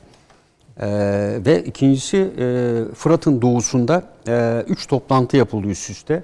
E, Amerika Birleşik Devletleri öncülük yapıyor. Arap aşiretleriyle SDG arasında. Arap aşiretlerinden e, çok önemli bir lider. Geçen iki hafta evvel suikaste uğrayıp öldürüldü burada. Ve Arap aşiretler Amerikalılara karşı ciddi bir tepki gösterdiler. E, bu PKK'yı, SDG'yi sen besliyorsun diye. Şu anda Amerika Birleşik Devletleri Suriye demokratik güçlerine e, bir uyarıda bulundu. İçinizdeki bütün PKK'yı ayıklayacaksınız şeklinde. Bunda da Türkiye'nin Arap aşiretleri üzerinde etkisinin devam ettiğini e, ve Amerika Birleşik Devletleri'nin ciddi bir şekilde sıkıştırıldığını e, aynı zamanda bu toplantılardan çıkan ve sızan bilgilerden de bunu görmek mümkün olduğunu düşünüyorum. E, bunun dışında tabii Avrupa'da da e, hareketlenme var. Örneğin Belarus biz e, derken şu anda e, Moldova'da ciddi Öyle. sıkıntılar var. Yani çünkü seçimler Aşağısı yapıldı. Avrupa Birliği yanlısı e, Belli. 50 57.7 belli. ile seçildi. ve Rusya'nın kulakları dikildi. E, Transnistria sorunu e, tekrar ortaya atıldı. E, yani, Ukrayna, Belarus, Evet. Karadeniz buraları hep kar- karışacak. Ee, evet. Sonya. Hepsi Evet yani dolayısıyla e, bir sorun biterken e, orası da donmuş bir çatışma bölgesi Diyes'tir. 500 bin e, nüfuslu bir yer %30'unu Ruslar oluşturuyor. Daha evvel bağımsızlık ilan etti. Dağlık Karabağ gibi kimse tanımadı. E, fakat daha sonra bir özerklik konusu oldu. Onu Rusya da tanımıyor ama tanımış gibi birçok e, işlemlerde bulunuyor. E, dolayısıyla bu bölge Avrupa'da ciddi bir çıban başı. E, aynı Dağlık Karabağ bölgesi gibi yani o da e, buzdolabına atılmıştı ve Rusya'nın donmuş çatışmalar bölgesi içinde yer alan bir yerde. Karabağ'dan sonra ikincisi de buzdolabından çıkarılmak üzere. Yani bu da e, önemli. Dolayısıyla Rusya Dağlık Karabağ içini bir an önce düzene sokmak istiyor Türkiye ile. E, ondan sonra dikkatini bence e, Suriye konusuna verecek ama ağırlığı Belarus ve Moldova'da olacak. E, çünkü e, buralar ciddi sorun alanı olmaya başladı. Aksi takdirde e, doğrudan doğruya e, Amerikan kuvvetleriyle karşı karşıya kalma durumu söz konusu. Rusya bu kadar geniş bir alana yayılmışken Kırım'dan, Ukrayna'dan, Belarus'tan, Moldova'dan, Dağlık Karabağ'dan, Suriye'de, Libya'da e, ve bir de şimdi Kızıldeniz açılımı başladı Rusya'nın. Oraya da bir takım güçler gönderiyor. E, Amerika'nın Sudan'daki aktivitesine karşı. E, Etopya'da biliyorsunuz ciddi hareketlenme 50 bin kişi Sudan'a göç etmiş durumda. Ciddi bir iç savaş eşiğinde. Evet Etopya ile Rusya'nın ilişkileri iyi. Etopya ile İsrail'in ilişkileri iyi. Orada da bir e, gelişme alanı var. E, dolayısıyla ben Amerika'nın e, Biden'a tesliminden evvel Orta Doğu'da e, bir e, hareketlenmeye yol açabileceğine dair e, belirtiler olduğunu düşünüyorum bunu. Pompeo'nun Yapar mı yapar. Yani. Yapar. Yani bu sonuçta bir bir füzenin atılışı. Çünkü dün İran'ın ekonomisiyle ilgili bir yazı çıktı. İran bu pandemi sürecinde 4 ay süreyle 30 milyon İranlıya 100 bin tümen. Yani e, 100 bin tümen demek 6 dolar demek. Yani evet. Yani e, bu kadar para vermeyi bunun hiçbir anlamı ifade etmediğini ve İran ekonomisinin tamamen battığını e, İran'ın en yetkili ismi açıkladı. Halk da bu süreç içinde e, altyapı olarak bir hükümete karşı bir hareketlenme için Amerika hazır hale geldiğini düşünüyor. E, yaptırımlar eğer Biden dönemine dönülürse Biden-İran ilişkileri artar, nükleer anlaşma yapılırsa İran yedi ayakları al, üzerine kalkar. E, bu da şu andaki Suudi Arabistan işine gelmez. Yani İsrail'in Mossad'la Suudi Arabistan'a yaptığı ziyarette bu doğrultuda değerlendirmek lazım diye düşünüyorum. Barış ödülünden bahsetmediniz. Yani o, o, o kime veriliyor? Bize bir tek Türkiye falan vermiyorlar. Yani e, Obama göreve Süleyman Hocam, başladığını şu siz- ertesi günü Nobel ödülü aldı biliyorsunuz yani. Peşin aldı. Peşin aldı hatta. evet. Ee, Paşam şeyden bahsetti ya Belarus, Moldova vesaire falan. Siz orada bir hat çizin isterseniz. Yani şöyle benim görebildiğim kadarıyla bu Amerika Birleşik Devletleri ile Avrupa Birliği arasındaki ilişkilerin yeniden kenetleneceğini söyledik. Bunun bence bazı e, dalga dalga büyüyen ek senaryoları var. Bunlardan bir tanesi Doğu Avrupa meselesi. Yani bugün Polonya Avrupa Birliği üyesi, Macaristan Avrupa Birliği üyesi ama pek Avrupa Birliği'nin frekansıyla konuşmuyor bu adamlar. Yani şu an yönetici düzeyinde. Ve halklarda da büyük bir memnuniyetsizlik var Avrupa Birliği e, mensubiyetinden doğan. Şimdi dolayısıyla Avrupa Birliği ile Amerika Birleşik Devletleri Doğu Avrupa'yı bir manada paylaşmış oldular. Yani şöyle paylaşmış oldular. Avrupa Birliği geri çekildi. Paşamın çok doğru söylediği gibi o koridora Amerika Birleşik Devletleri abandı. Yani yüklendi. Tamam. Rusya da bunun derdine düştü. İşte Beyaz Rusya'dan başlayarak yani Baltıklardan aşağı kadar Moldova'sı da var bu işin içinde başka şeyler. Bir de genel manada bir Balkan nüfuzu meseleleri, tartışmaları var. Dolayısıyla orada Rusya'yı yıpratacaklar. Bu çok açık. Yani görüntüde Avrupa Birliği kısmen var, kısmen yok gibi ama esas pazu gücünü orada gösteren e, Amerika Birleşik Devletleri olacak. Şimdi bakınız bu koridoru inince yine paşam çok doğru söyledi. Rusya ile Avrupa Birliği arasındaki bağ kopuyor. Şimdi dolayısıyla e, Amerikan neokon aklının esas istediği şeylerden bir tanesi bu. Avrupa'yı yanına çekip Rusya karşısında onu e, ilişkisiz bırakmak. Rusya ile ilişkisini bozmak. Şimdi bu böyle dikey inen bir hat. Şimdi o dikey hattın içine Türkiye de giriyor. Yani Rusya ve Türkiye giriyor ve İran üzerinde Hazar çizgisini takip edelim. İran üzerinde o çizgi kapanıyor. Bu Avrasya bloğu. Buraya yüklenecekler. Bu çok açık. Türkiye'ye de Rusya'ya da. İran üzerinden ise İran, Pakistan, Hindistan ve Afganistan'ı içine alan başka bir oluşum peşindeler. Daha sempatik ilişkiler ve nüfuz etmek oraya. Yani bir kere Hindistan'la son zamanlarda Amerika Birleşik Devletleri arasında yapılan askeri anlaşmalar Rusya'nın etkisini kırmaya matuf. Yani Hindistan'ı, Hindistan'daki Rusya etkisini, nüfuzunu iyice azaltmak istiyorlar. Dolayısıyla Rusya ile bu bölge arasına da bir hat döşemiş oluyorlar. Şimdi yarın Pakistan'da ne olur bilmiyorum. Afganistan'da ne olur bilmiyorum. Ee, ve buradan Çin'le ilişki kurmak. Çin-Rusya ilişkilerini de gene aynı şekilde bir başka yatay eksen üzerinden yalıtmak.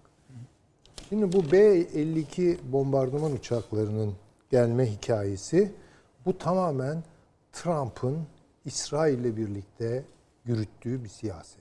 Ve bu Biden'ı bozmak için. Bakın. Biden'a iktidarı şöyle veya böyle verecek yani. Açık bu. Teslim ettiği zaman işte o bahsettiğim hat yani İran, Pakistan, Hindistan, Afganistan en başta İran'ı tamamen e, Biden'ın eline sorumlu evet. bir İran olarak bırakmak. Bunu İsrail de istiyor tabii. Kendi açısından istiyor. Çünkü İsrail bana kalırsa şimdi bazı değerlendirmelere bakıyorum da bugün yani e, işte hatta İsrail Biden'ın gelmesinden bir hayli de memnunmuş. Yani çünkü Biden şahin politikalar güdecekmiş. İsrail bunlardan faydalanacak. Hayır. Tam tersi. Öyle bir şey olmayacak. Suudi Arabistan'ın tutuşmasının sebebi bu zaten. Birleşik Arap Emirlikleri'nde herhangi bir şeyin değiştiğini hiç beklemiyorum. Yani Birleşik Arap Emirlikleri zaten artık şey gibi orada Amerikan üssü gibi falan Tabii. düşünün onu yani. Ama Suudiler çok kötü tutuştular. Şimdi Kocaman dolayısıyla bu bu Biden'a atılmış bir bomba olur eğer İran'ı bombalarlarsa.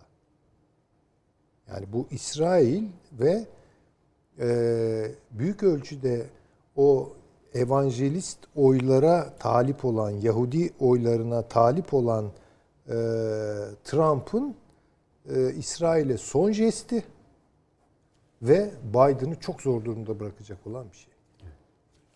Onu da görmüyoruz. Önemli. Hani abi oradan hemen geçeyim. Evet. Bu Şimdi onun konuşalım şu Suudi Arabistan'ı da Evet. hani yakın şeyler var ya görüşmeler temaslar. Şimdi hocamın son e, işareti bu İran meselesi önemli.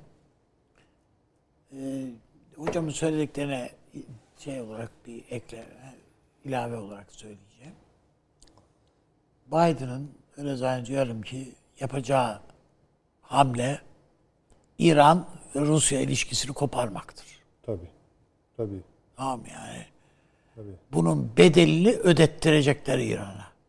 Yani arkadaş senin üstündeki baskıyı hafifletiriz. Bunun koşulu budur. Yani dans etmek yok. Bundan sonra. Ondan sonra İran'ı doğudaki hamleleri için partner olarak kullanırlar. Doğru. Yani e, buna İran siyaseti de ta, çünkü halk nezdindeki bütün itibarını kaybetmiş. Desteğini kaybetmiş tabii. E, Yani orada tanıdıklarım var, yazıyorlar. Özellikle bu Azerbaycan yani Azeri e, Azer- Azerbaycan Güney Azerbaycan bölgesinde Türk nüfus yani ha patladı ha patlayacak falan gibi ve Türkiye lehine bir takım şeyler var oralarda. Laflar geliyordu. Yani desek ki Ankara ya varız yani yani güve, bize güvenebilirsiniz falan gibi laflar etsek hiç bir anda patır patır böyle barut gibi yayılacak yani. Öbür taraftan Netanyahu Hamas'la görüşmeye hazırız dedi ya. Ha buyur. Adam bunu söylerken Suudi Arabistan'dan gelerek söylüyor. Yani oradan geliyor. Yani Hamas'a diz çöktürmeye Ha, tabii tabii tabii. Yani, odur yani. Ha, muhtemelen Hamas'a söyleyecekleri laflar var. Tabii bütün bunların hepsi esasında doğrudan ya da dolaylı Ankara'ya atılacak goller. Goller, tabii. Yani ey Erdoğan sen değil miydin işte bunlar için oynayan yani bir yani bunlar üzerine siyaset yapıldı, yapıldı filan yani. Ha işte falan diye. Ben e, Trump'ın esasında masayı dağıtmak istediği kanaatindeyim şu anda. Bu İran'a bu şey o. Suudi Arabistan ziyareti, Tabii. Birleşik Arap Emirlikleri ziyaretinin de Tabii, tabii. bu Netanyahu'nun ziyaretlerinin filan hepsinin amacı da bu. Yani muhtemelen bunlar kutsal bölgeleri de çünkü Suudi Arabistan hudutları içerisinde Yahudilerin de kutsal saydıkları yerler var. Özellikle Medine bölgesinin, Medine'nin e, doğusu, da filan e, geçmişte Peygamberimizin yani asr-ı saadette o dönemde işte savaşlar şu bu filan ilk çağ, ilk birinci e, dönem e, Yahudilerle savaşlar verilen yerler var işte e, Hayber Hayber Kalesi filan filan bu yer. Bunlar hepsini ziyarete açacaklar. Yani hani mesela inşallah olmaz ama yani olabilir de e, harem bölgesi biliyorsunuz Müslüman olmayanlar giremez Suudi Arabistan'da. Ya kaldırsak ne olur yani turist diyeceğiz bunlara filan diye yani şey yapmayın filan diye. Yani olur mu olur artık şu saatten sonra ben şu olmaz diyemiyorum. Hani e, efendim Hazreti Musa amcamız öbürü dahi eniştemiz bilmem ne filan diyen bir Suudi Arabistan yani Mekke müftüsü bunlar da bu, bu bir fetva bulabilir. Ama ve nitekim Suudi Arabistan Kralı Türkiye ile gayet e, mükemmel ilişkilerimiz var diyerek değil mi Dışişleri tam o. Bakanı Onu bir konuşma yaptı yani. Kralla da bir görüşmüştü. Ha. Üstelik de bu konuşma sırasında e, Prens Salman da orada. Yani görüşme sırasında orada. Ya bakıldığında ben e, ortada dağınık bir masa var. Bu dağınık masayı toplama toplayacak insan diye şimdi Biden veya herkes ona bakarak e, şey e, nirengi tayin edecek yani. Kerteriz noktası. Evet, e, tayin edecek. Ben mesela e, bu Rusya'daki tedirginliği anlayabilirim ama şöyle bir şey var yani Doğu Avrupa'daki şeyi bu ne Polonya, ne Bulgaristan, ne Romanya, efendim e, Kosova, şu bu bunların hiçbirisi bu Avrupa Birliği filan yani yani bugün Bulgaristan'ı koysanız hepsi eski düzene geçer yani. Hemen anında yani. Ne demek eski düzen? Yani bu Avrupa Birliği dışında yani Civkov'u istemezler tabii. Ama yani komünist düzeni istemezler. Ama e, Avrupa Birliği dışında çünkü Avrupa Birliği bir cendere. Fonlardan da tam yararlanamıyor onlar. Hiç hem de ne tam mı? Eski halden daha Hiç. beter durumdalar. Yani iki kere Hani bir kısmı zannediyorlardı ki işte euro kullanacağız falan. Hayır hiç. Yani euro da yok ortalıkta. Falan yani. Ee, Almanlar hatta demiş ki sizin ilk hükümdarınız Şişmanhan. Onun resmini bulsanız da kullansanız falan demişler. Yani böyle garip. Yani Türk. Ya bu Rus Bulgarların da çünkü şeyi böyle bir tarihsel bir travmaları var. E, b- b- dünyada zaten Bulgarlaş şey Balkanlaştırma diye bir kavram var. Siya, uluslararası siyasette bir kavram var. Yani bir şeyi cür, yani ne pislik varsa içine atacağınız yer gibi manasında bu. Ben burada Amerika'nın çuvallayacağını düşünüyorum açıkçası. An- Çözemeyecekler, anlayamayacaklar. Osmanlı bunları çözmek için 200 yıl uğraştı ya. Yani Erdel Bey ile bilmem nesini bir araya getirmek için veyahut da hangisinin oğlunu, kimin hangisinin kızıyla evlendireceğini, hangisine bilmem ne lik vereceğini, ünvan vereceğini ya 200 yılda yaptılar, yapıldı bu. Öyle kolay bir iş değil. Yani tıpkı Kudüs'ü idaresi gibi bir iş yani. Beş tane benzemezi bir araya getirdiler yani. Osmanlı getirdi. Şu anda onu yapamıyor mesela kimse. O yüzden ben mesela Dede Ağaç konusunda biz ne kadar tedirginik. Ben Dede Ağaç konusunda hiç tedirgin mekin değilim. Amerika oraya artık yatırım matırım da yapmaz. Yani geçti gitti o işler. Tabii bütün şey kartlar e, daha önce hocamın da falan sizin paşam da söylediği e, Pasifik bölgesi, Çin, Hint bölgesi, bütün o coğrafya ve Çin üzerinden oynanacak. E, burada tabii ne, hangi nasıl bir siyaset derseniz Çin'le ben e, şeyin Biden'ın anlaşabileceğini düşünüyorum. Ben de öyle düşünüyorum. Yani hiç e, ve birlikte oynayacak yani Pasifik'te. Japonya'yı falan da satar yani. Hiç burada çok Son, önemli e, değil yani. Çok özür dilerim hani son anlaşma, ticaret anlaşması Pasifik'te zaten bunun ipuçlarını veriyor. Bütün benzemezler orada. Çin Tabii orada, hocam, öyle. Avustralya orada, Japonya orada, Güney Kore orada. Amerika'nın Evet. bütün e, aktörleri, birlikte tabii. hareket edenlerin hepsi Evet. orada. Yani mecburen oraya girecek. Ama bu bölgelerde yani Avrasya'da ve Asya'da güçlenerek e, Çin karşısında daha etkin olmanın yollarını, o ilişkilerde daha belirleyici olmaya e, mümkün olmasını Evet. mümkün kılacak adımlar atmaya çalışacak Biden. Ama ağırlığını esas yani dişlerini gösterdiği yer buralar olacak. Tabii Rusya. Rusya, Tabii. Akdeniz'de A- Türkiye ve Avrasya Tabii, bölgesi. tabii. Avrasya bölgesi. Ona, ona katılıyorum. Şöyle bir şey var. Yani e, bizim e, zannettiğimizin aksine şöyle bir şey zannettiğimiz değil mi eminim de.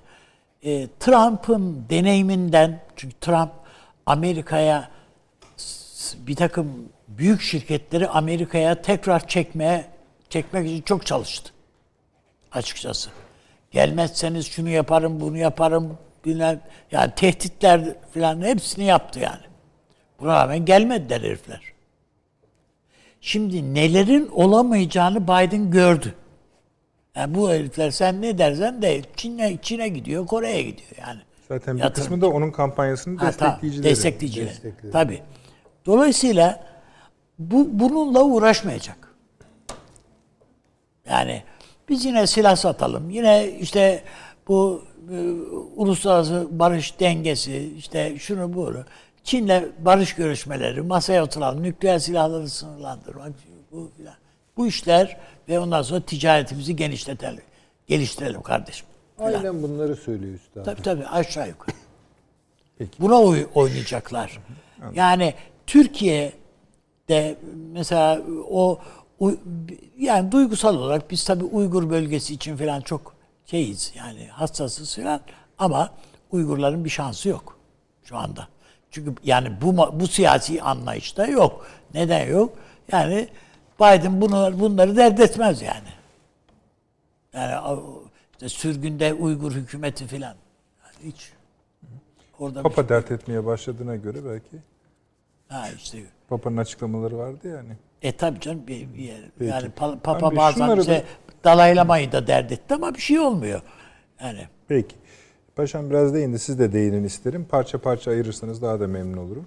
Suriye'deki ihtilafın sona erdirilmesi için de Dağlık Karabağ'da olduğu gibi hızlı ve somut adımlar atılması gerektiğine dikkat çeken Cumhurbaşkanı, Libya'nın birlik ve bütünlüğünü korumak için hem siyasi hem askeri görüşmelerde Türkiye ve Rusya arasındaki işbirliğini sürdürmesi gerektiğini ifade etti. Tabii, doğru. Üç noktada birden biz Türkiye tabii, Rusya ile bir... kesin doğru. Ama 24 saat oldu. Avrupa Zaten e, e, Avrupa Birliği'nden gelen açıklamanın bir, bir ağırlığı Libya ile alakalı.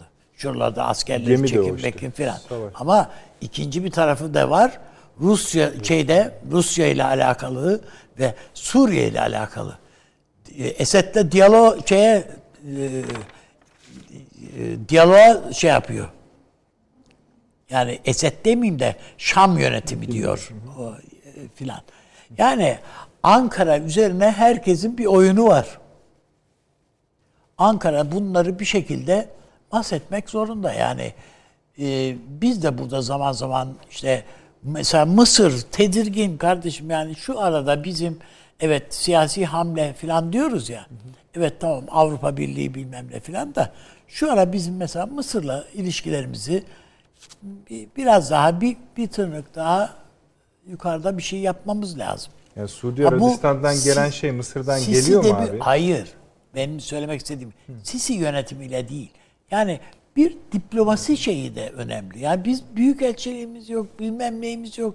Yani illa illa şey değil ki yani illa bu Sisi'ye ya kardeş niye boşuna küsmüş falan filan. Hayır değil. Çünkü Biden da bu e, artık e, yola devam edemeyeceğini, şeyin e, Sisi ile yola devam edilmemesi, edilemeyeceğini herhalde hissettirmiştir yani veyahut da ettirecektir. Adam da biliyor belki de Sisi. İşte bir yerlere para taşıyordur o da şimdi. e, e, bu işler böyle yani çağırdı. yürüyor. Ya bir, bize gelen parayı başka yere koyup da geliyor. Yani son dakikada Libya Kaddafi'nin aklı başına geldi ama iş işten geçti. Doğru. Neyse. Bir de paşam size şunu sorayım. Bu, bu Avni abi bahsini açınca bu Mısır'ın kuzeybatısında yer alan bir bölgede 6 Arap ülkesi bir askeri tatbikata başladılar. Arap kılıcı. Evet. Arap Arap kılıcı kılıcı. diye. Ee, kim? Ee, Mısır, Suudi Arabistan, Birleşik Arap Emirlikleri, Ürdün, Bahreyn ve Sudan. Kaçına kadar sürüyor? 26 Kasım'a kadar. İşte yani bunlar biraz devam ettiği için belki de şeyin güzel... Onları bence çok abartmamak Evet, evet. lazım. Peki. Yani bu- O küre her şey- Arap kılıcını mı? küre koalisyonu sırasında Yok, elde yani kılıçla yapılan dans var. Mesela O o, o, mesela ona benzer bir şey. Peki. Yani Yani bunu tabii şey olarak düşünmek lazım. Yani bu özellikle İsrail'in e, bu normalleşme ki en son biliyorsunuz Sudan eklendi ona. Amerika Birleşik Devletleri e, bayağı bir kaynak aktardı. Ona karşılık ki Sayın Cumhurbaşkanı da biraz evvel altyazı işte Sudan Cumhurbaşkanı'yla telefon görüşmesi yapmış. E, Sudan'da da bu Beşir nedeniyle Uluslararası Ceza Mahkemesi ciddi bir şekilde bastırıyor Beşir'i teslim edin diye. E, teslim edilmesi halinde tekrar Sudan'da iç karışıklıklar çıkacağından da endişe ediliyor. E, o da ayrı. İşte Amerika Birleşik Devletleri burada kontrolü e, ele aldığını ben düşünüyorum. E, bu İsrail e, ile Arap ülkeleri arasındaki normalleşmede e, daha önce ifade ettim. Üç kere Su, e, Ürdün, Mısır ve Irak arasında bir grup e, onun karşısında e, Suudi Arabistan, Birleşik Arap Emirlikleri ve İsrail e, bir gruptu. Yani iki bir gruplaşma vardı. Bence bu e, tatbikat dediğim gibi yani büyütülecek bir konu değil. Belki bu ayrışmayı bir şekilde test etmeye yönelik e, bir konuda olabilir. Yani e, bu güçlerini birleştirerek e, büyük ölçüde yapılacak ve etkileyecek bir tatbikat yok. Bugüne kadar da hiç olmamıştır. Yok Biden yönetiminden e, kaygılı oldukları hissediliyor. Suudi Arabistan'da daha çok yani böyle adımlar görüyoruz. E, e, hepsi Suudi Arabistan, Mısır, e, Mısır bu keza ülkelerin, öyle. İsrail e, bence e, Yani Orta bir yönü Doğu var bizi huzursuz ediyor, bir yönü var bizde şu arası iyi olmayanları huzursuz Yani ediyor. Orta Doğu politikaların hepsini etkileyecek. Yani ben burada şöyle bir e, şey çizdim. Burada e, özellikle Biden e, İran arasında eğer e, herhangi bir şekilde Trump'ın bu dönem içinde İran'a yönelik bir müdahale olmazsa e, özellikle İran üzerinde nükleer anlaşma konusunda ısrarcı olursa ve ilişkileri biraz normalleştirme sürecine girerse e, bu tabii İsrail'in hiç işine gelmeyecek bir konu. Yani o yüzden Trump belki bunu bir baskı aracı olarak İran üzerinde Suriye'den e, ve Irak'tan Haçlı Şabi'nin özellikle çekilmesi, Suriye'den de ki e, İran diyor ki benim burada hiçbir milisim yok. E, halbuki e, İsrail Mossad'ın tespitlerine göre milisleri var, Hizbullah'ın unsurları var en azından. E, çünkü Biden'ın e, iş başına gelip İran'la olan bu ilişkileri biraz normalleştirme süreci e, İran'ı e, bence bölgede güçlendirecek bir adımdır. Suriye'de ki güçlerini ki biraz ekonomik anlamda çökmesine rağmen yine de ruhsal açıdan bu mücadeleye bağlı gruplar. Haçlı Şabi de öyle. E, tabii e, bunlar burada olduğu sürece İsrail güvende olmayacak. Amerika Birleşik Devletleri de e, aynı şekilde amaçladıklarını gerçekleştirmekte zorlanacak. E, bu arada DAEŞ e, ortaya çıktı. Yani Musul'da saldırılarını arttırdı güneyine yönelik olarak. E, bu bölgede İsrail'in e, mutlaka e, ben hocama da katılıyorum. E, Trump'ı devreye sokarak e, burada Biden'ın İran yaklaşmasının ortaya çıkaracağı İsrail güvenliğini olumsuz etkileyen unsurların e, elimine edilmesini e, öncelikle hedefleyecektir.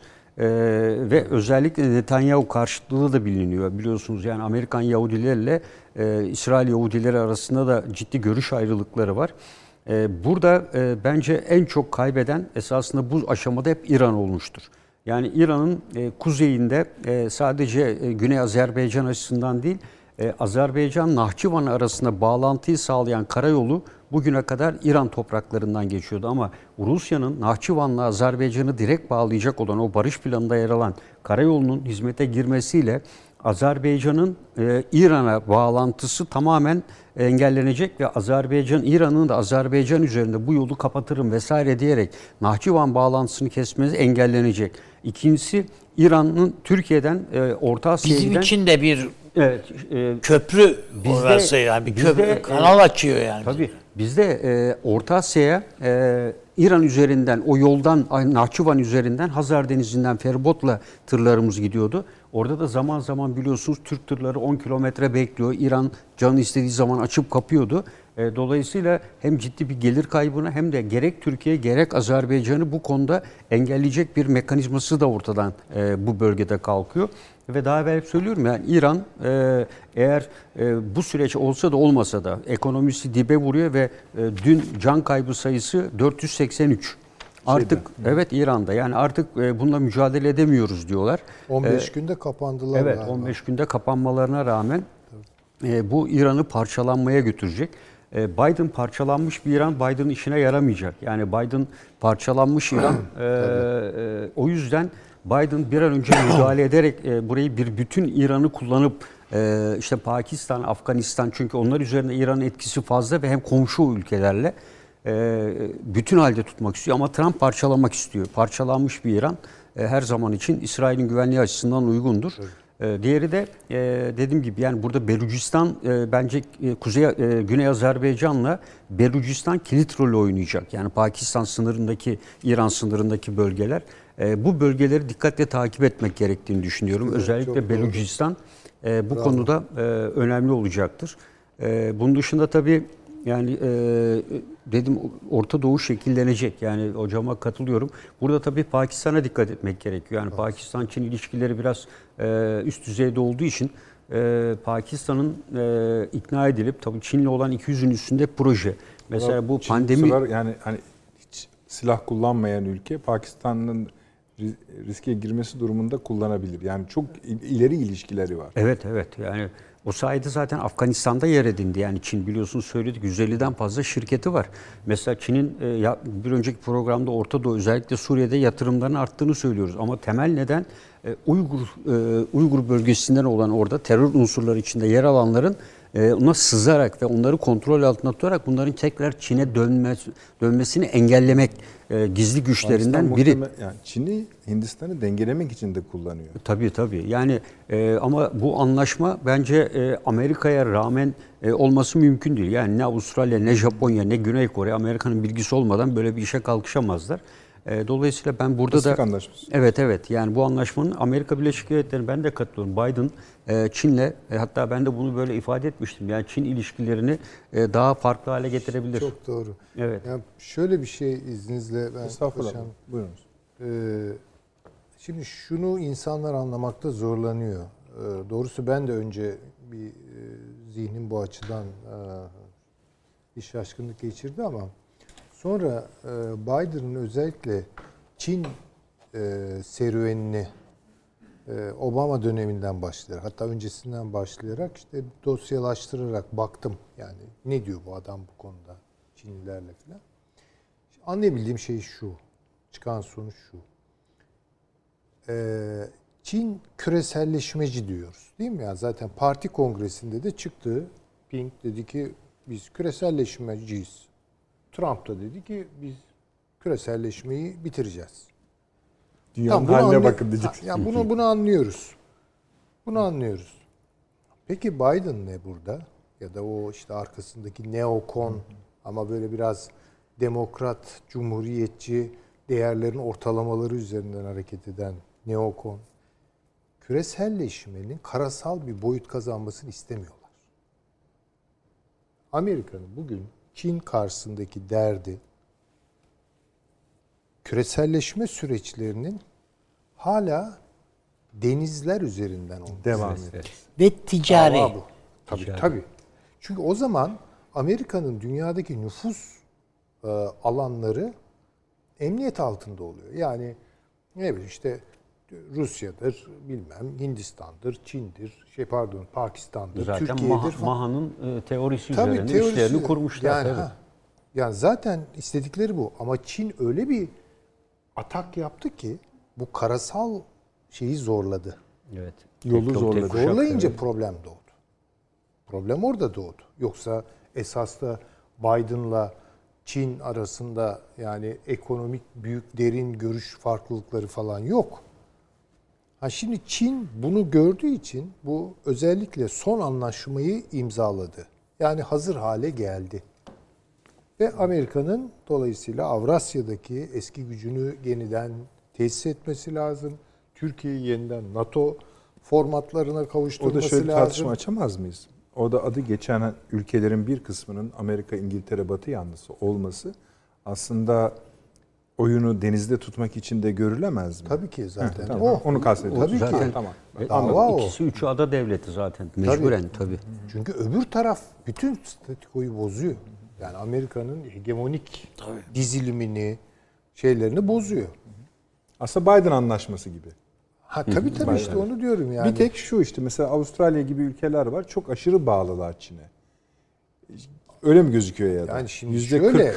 e, yani mesela benim bildiğim kadarıyla Çin'in ham madde ihtiyacının çok önemli bir kısmı Avustralya'dan gidiyor. Hatta Madenler, şunlar, bunlar. Japonya'nın da hocam Japonya'nın da öyle. yani gıda ihtiyacı Tabii. filan hepsinin Yani Avustralya'dan. ne kadar ilginç değil mi? Hani Avustralya batının parçası, uzantısı. Dolayısıyla ham madde emmesi lazım ki ham madde satan bir ülke haline geliyor. Tabii bunlar biraz işin latife kısmı. O ham madde öbür ham Şunu, madde şunu değil. da söyleyelim. Biden dönemi yani üç büyük ülkenin en çok konuşulduğu dönem olacak ve e, Türkiye'nin de en çok konuşulduğu dönem olacak. Esasında dördünün liderleri de şu an dünya üzerindeki en e, kıdemli liderlere dönüşmüş durumda. Tabii tabii. Dediğiniz doğru. Amerika'nınki de öyle yani. Bir de şöyle Yani bir şey var. Güçlü bir zamanımıza denk Evet, gelecek. Ee, şöyle bir şey var. Yani bu hakikaten üstadımız da zaman zaman değiniyor. Gerçi bu konuda en titiz e, şeylere, belgelere e, paşamız sahip. Bu harita işleri var ya çok mide bulandırıcı geliyor bana. Çünkü dünyayı ütülüyoruz. Yani Evet. şöyle ütülüyoruz. Şimdi böyle ütülediğiniz zaman Amerika burada kalıyor. Çin ta orada kalıyor. Halbuki dünya yuvarlak olduğu için için burun burundalar. Burun burnalar. İşin bu tarafını unutuyoruz. Tabii. Ya bundan sonra yeniden böyle hakikaten küreselleşme de zaten herhalde bunu yani küreselleşmenin ima ettiği en tipik şey ya dünya haritalarının üzerine ütü geçirmeyin. Yani şunu bir kere Öyle. görelim tabii. Ama o üt- harita ütüleme işi herkesin bir bakıma da e, kolayına gidiyor. Ama çok yanlış sonuçlar verdiriyor bize. Amerika'nın batı tarafı ile Pasifik'e bakan yüzü zaten Çin'le iç içe. Ama Çin'in başlattığı tersine hareket yani karasal hareket Yani Avrupa atımlı diyelim. Avrupa atımlı. Avrupa yönünü Ha, Türkiye o biraz yönünü, bu süreci yönünü. kendi lehine çevirmeyle ilgili bir şeydi. İşte sormuşlar yalnız izleyicilerimiz. doğu ve batı kavramlarını alt üst ediyor zaten o. Bahsediyoruz efendim. Onların deyişiyle R, C, E, P diye anılan Evet. E, 15 bölge ülkesinin bir araya geldiği Evet. Tabii. Yani e, onun için şimdi tabii bu atağa karşı neokon cevap buraların yeniden düzene kavuşturulması ile ilgili ama öbür mesele başka yerde kaynıyor. Yani çünkü herkes şöyle bekledi. Yani Trump da şey e, Biden da en az Trump kadar Çin'in üzerine gidecek. Hiç öyle bir şey çıkmıyor bu adamın e, konuşmalarından, yaptığı açıklamalarından. E, hakikaten şöyle bir tarama, kısaca bir tarama bunun Eninde böyle sonunda zaten gösteriyor. biz de o konuda ayrılacağız efendim. Ne gibi? Hangi Bir konuda? buçuk yıl kadar avans verebilirim size. ne diyorsunuz? Çin ve Rusya arasındaki mesele konusunda. Rusya konusunda zaten tarifimi bir önceki programda Çin ve söylemiştim. Rusya derken ne? ABD Biden yönetiminin Çin ve Rusya'ya bakışı konusunda Ee, ne dedik? Yani Çin'i rakip olarak görüyor, Rusya'yı düşman olarak görüyor. İlk önce Rusya'yı vuracak ama eninde sonunda burnunu Amerika Çin'e dönmek zorunda. Yani savaş Ya ne diyorsunuz? ben size söyleyeyim. 2010 yılında zaten Amerikan ekonomik üstünlüğü şu anda birçok alanda gerilemiş durumda. Çin'e nazaran 2010'da kesinlikle bitiyor. Pentagon'a göre ise 12 yıl içinde Çin kesin bir dünyanın en büyük ve en güçlü askeri yapısına dönüşüyor. Buna izin vermezler. Dönüşecek İzin mi acaba? kim vermiyor?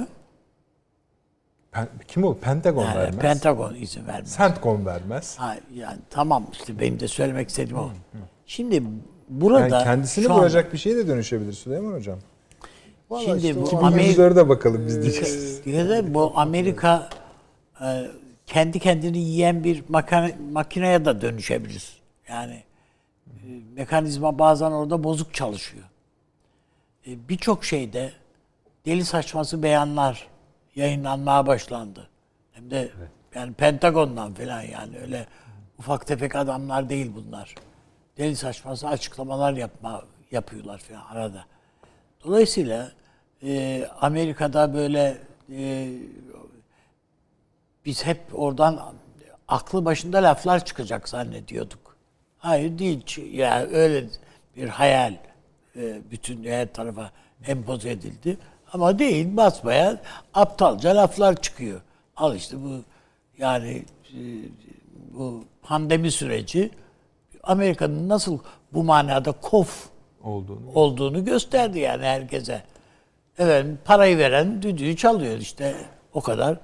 E şimdi bu Biden ben geleceğinde hiç enflasyon falan hiç adamın hesabında yok. Fed'in üstüne çökecekler. Parayı halka yani sağlık veremiyoruz size. Ölülerinize de bir şey diyemeyiz. Allah rahmet eylesin hepsine. Alın şu paraları çenenizi kapatın. Evinizde mutlu, mutlu, oturun. Mutlu mutlu oturun. Evet. Bir daha eğer başınız belaya girsin istemiyorsanız bu e, mortgage süreçlerine falan gidip de ev mev satın almaya kalkmayın. Filan. Yani bu tür basit şeyler yani. Amerika'nın da kendine göre bir acı reçetesi var. Bunu içirecek adam yani. Amerikan halkına. Yani akşamları karnını doyurmanın bedeli budur kardeşim diyecekler. Amerikan halkının da böyle bir derdi var çünkü. Akşamleyin yani ertesi gün geldiğimizde iş yerinde duruyor mu, durmuyor mu? Ben yerimde duruyor muyum, durmuyor muyum? Bunun için maaş Tabii. bağlayacaklar işte. Herkese ver. para verecek. Yani bu- bunları yapacaklar adamlar. Avrupa'ya da önerdikleri bu. Herkes versin parayı diye. Almanya verdi. Ama İspanya veremedi mesela. Çuvalladılar. İspanya diyor ki 40 milyar euro harcadık. Sonuç sıfır. Biz diyor zaten turizm ülkesiyiz. Başka da bir gelirimiz yok. E turizm de bitti. Tabii %17 küçüldü. Ya bu, bu böyle bir şey olabilir mi yani? 18 hatta. Ya bu da Avrupa Birliği'nin en önemli ülkelerinden bir tanesi. Öbürü İngiltere yani İngiltere dediğin ufak tefek bir şey değil ki. Ya bunların hepsi derece derece dibe vuruyor vuruyorlar. Ee, koskoca diyelim işte mesela e, veya iri görünen Almanya aman bu Türk komşu şey iyi komşu olun falan diye şeyleri yapıyorlar. Bu iki tane Türk'ün hikayesi bu aşıyı bulan Türklerin hikayesi. Bunlar göçmen ailelerin çocukları gelmişler. Amerika'da şeyde Almanya'da iki tür okul var. Belli bir cimnazyum dedikleri işte bir statü. Lise gibi. Yani liseye kadar geliyorsun. Liseden sonra seni meslek okuluna yönlendiriyor. Öğretmen, şu bu falan filan. Bu aşıyı bulan e, doktorumuzu öğretmen e, te- teknik okula yolla, yönelmiş. Real şu. Oraya falan diye. Bir komşu, Alman bir komşu o öğretmeni gitmiş bulmuş. Demiş ki bu çok zeki bir çocuk. Ben tanı tanıyorum. Komşularım benim bunlar. Bunu üniversiteye yollayın. Düşünebiliyor musunuz? O komşu olun diye bir kampanya var şimdi. Almanya'da. Yani biz bu ve buna benzer e, gençlerimiz var. Dünyanın dört bir yanında var yani Türkiye'nin bu gençleri filan. Biz bunlara birazcık daha dikkatimizi çekmeliyiz. İstanbul'da mesela 3-4 tane genç 1 milyar 200 milyon 250 milyon dolara dolara bir bilgisayar oyununu sattılar. Şimdi kimse bakmıyor yani ne oldu bu çocuklar ya?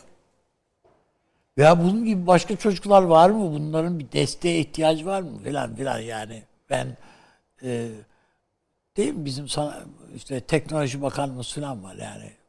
Her gün bir yerde bir açılış yapıyor, bir şeyler yapıyor yani filan. Hiç bunlarla ilgileniyor mu acaba bu çocuklar? Ya bizim böyle üstün zekalı çocuklar bunlar ne ne yer, ne içer, neye bakarlar? Başkalarını bizim büyükelçimiz mesela Amerika'da bu tür şeyleri desteklemek için fuarlara fuarlara çünkü bazısı evet böyle kimisi böyle 1 milyar 250 milyon dolar para alabilir ama kimisi cebinde uçak bileti alacak parası da yok. Yani Türkiye'nin biraz daha böyle kendi içinde ya bir tane bir çocuk tesadüf işte tesadüf demeyelim ona tabii. O da onda da bir üstün zeka var. Cumhurbaşkanımızın kızıyla evlendi ve bu bayraktar değil mi yani? E, Üstünde güzel bir şemsiye oldu Cumhurbaşkanımız. Kötü mü oldu? Hayır. İşte al Türkiye'nin önünde büyük bir ufuk. Herkes dön dolaş. Türkiye ne yaptı bu süreçte dediğinde efendim siyahlar diye başlıyor cümlelere. Öyle değil mi? Hepimiz böyle başlamıyor muyuz ya? Yani bu bunu bu bunu önemsemek lazım diye düşünüyorum. Teşekkür ederiz abi. Sonra hocam ben kesmiştim sonra toparlayamadık arada kal, yarıda kaldı sözünüz Yok, ama ben, Çin üzerinden devam ediyordunuz. Ya- Arzu yani şöyle e, şimdi yeni bir sıklet merkezi oluşuyor. Artık Atlantik merkez olmaktan çıkıyor dünyada. Ya istediği kadar işte şimdi Amerika Avrupa Birliği kaynatsın falan. Avrupa oyunun dışına itiliyor. Amerika Birleşik Devletleri de oyunun dışına itilecek aynı şekilde. Bunu görelim. Ama o batı tarafı var ya o Pasifik yüzüyle Çin arasında içine Kore'yi de alabilir. e, Güney'i mi e, söylüyorsunuz? Evet Güney Kore'yi söylüyorum. E, efendim söyleyeyim Japonya'yı, Avustralya'yı, Yeni Zelanda. Zelanda'yı oradan bir yeni dünya kurulacak. Ya onun için zaten bu yeni dünyaya kimin ne kadar uyum sağladığı, neresinde durduğu ayrıca tartışılacak. Ama şu an Çin'in bu kontra dış, dış- e, kontra çıkışına karşı başlamış olan bu diyelim ki dünyadaki istikrarsızlık alanları zihnimizi bulandırıyor, başka yerlere götürüyor. Halbuki böyle bir şey yok. Yok Bunlar- aynı fikirdeyim. Evet, evet Aynı ama fikirdeyim. bunun bence savaşla değil. Ee, yani savaşlar olacak tabii ki de. Yani bir Amerika ile Çin'i çünkü Amerika ile Çin tabii. savaştığı takdirde bunun konvansiyonel bir sınır içinde kalacağının kimse garantisini veremez. Bu savaşın galibi yoktur. Bu savaşın galibi yoktur. Tabii canım. Ya Amerika diyelim ki e, dörtte üç yıkılır, dörtte bir ayakta kalır. İyi ama o dörtte bir ne yapacak yani? Veya Çin'in diyelim ki yarısı ayakta kaldı ama Hocam sefalet bölgeleri tarihte o Çin'i sildik, süpürdük, bittik. Bitti dediydik. Yani Bitmemiş meğersem. Şu, şu çok önemli. Tabii daha önceki bu hegemonik geçişler hep savaşlı olduğu için yani belli bir düzenlilikte evet bunun da bir büyük hesaplaşması olması gerekir gibi bir düşünce geliyor. Ama öyle değil artık. Çünkü o savaşlar sonuçta evet yıkım getiriyor ama üzerine bir şeyler kurulabiliyordu. Şimdiki öyle bir savaş, öyle bir yıkım getir ki üzerine hiçbir şey kuramazsınız. Muhtemelen de olmayacak öyle bir savaş. Ama Diyorlar ki işte zaten yani. bundan Şöyle- sonraki savaş işte okla yayla Evet, Einstein gibi. yapar. Yani Şu aslında hani bir sade, sizi sadeleştirme teklifinizi e, ben kabul etmiş olayım. Rusya'ya ne yapacağını biliyoruz. Ne yapmak istediğini Tabii, biliyoruz. tabii. Ne yöntemle yapacağınızı aslında ayrı bir de konuşma konusudur. Evet, evet. Çünkü ben esasında Biden'ın ya da Biden yönetiminin Rusya'dan çok Putin ve onun yönetimine vuracağını düşünüyorum. Bu başka Pa- Biden'ın mı? Biden ve Tabii, yönetiminin. tabii, tabii. Yani asıl problemin o ayrı Tabii bir ki, konu ama. tabii. Zaten dedikodu çıkarmaya başladı. Adam kanser ameliyatı oldu yok bilmem ne falan Neler diye. İngiltere'yi hatırlayalım yani. Tabii Evet, ki. Ee, bu bölgeyle ilgili yani Kafkaslar Orta Asya bölgesiyle ilgili zaten kendiniz anlattınız. Ama bu yaparken Avrupa'yı toparlayamaya gayret edecekler. Tabii İngiltere'yi ayrı tabii, konuşalım. Çin'e ayrı.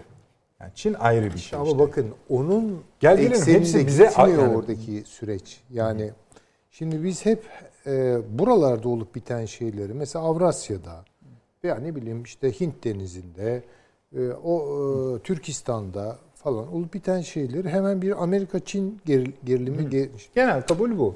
Genel Yanlış. kabul yani buna dikkat etmek lazım. Şimdi Amerika'nın Çin'in başlattığı bu kara atağından hiç hoşlanmadı. O açık. Çünkü düzenini bozan bir şey. Yani bir takım ülkelere yeni fırsat alanları açıyor. Çin orada birden büyüyor, nüfuzu artıyor vesaire. Başka güçler girebiliyor işin içine falan. Burayı bir kere düzene sokmak istiyor. Bir de Hindistan çok önemli. Hindistan'a bütün Bence bu seçti süreci gibi geliyor Efendim? yerini. Yerini seçti gibi geliyor bana. Hindistan mı? Tabii canım. Yani bence de öyle.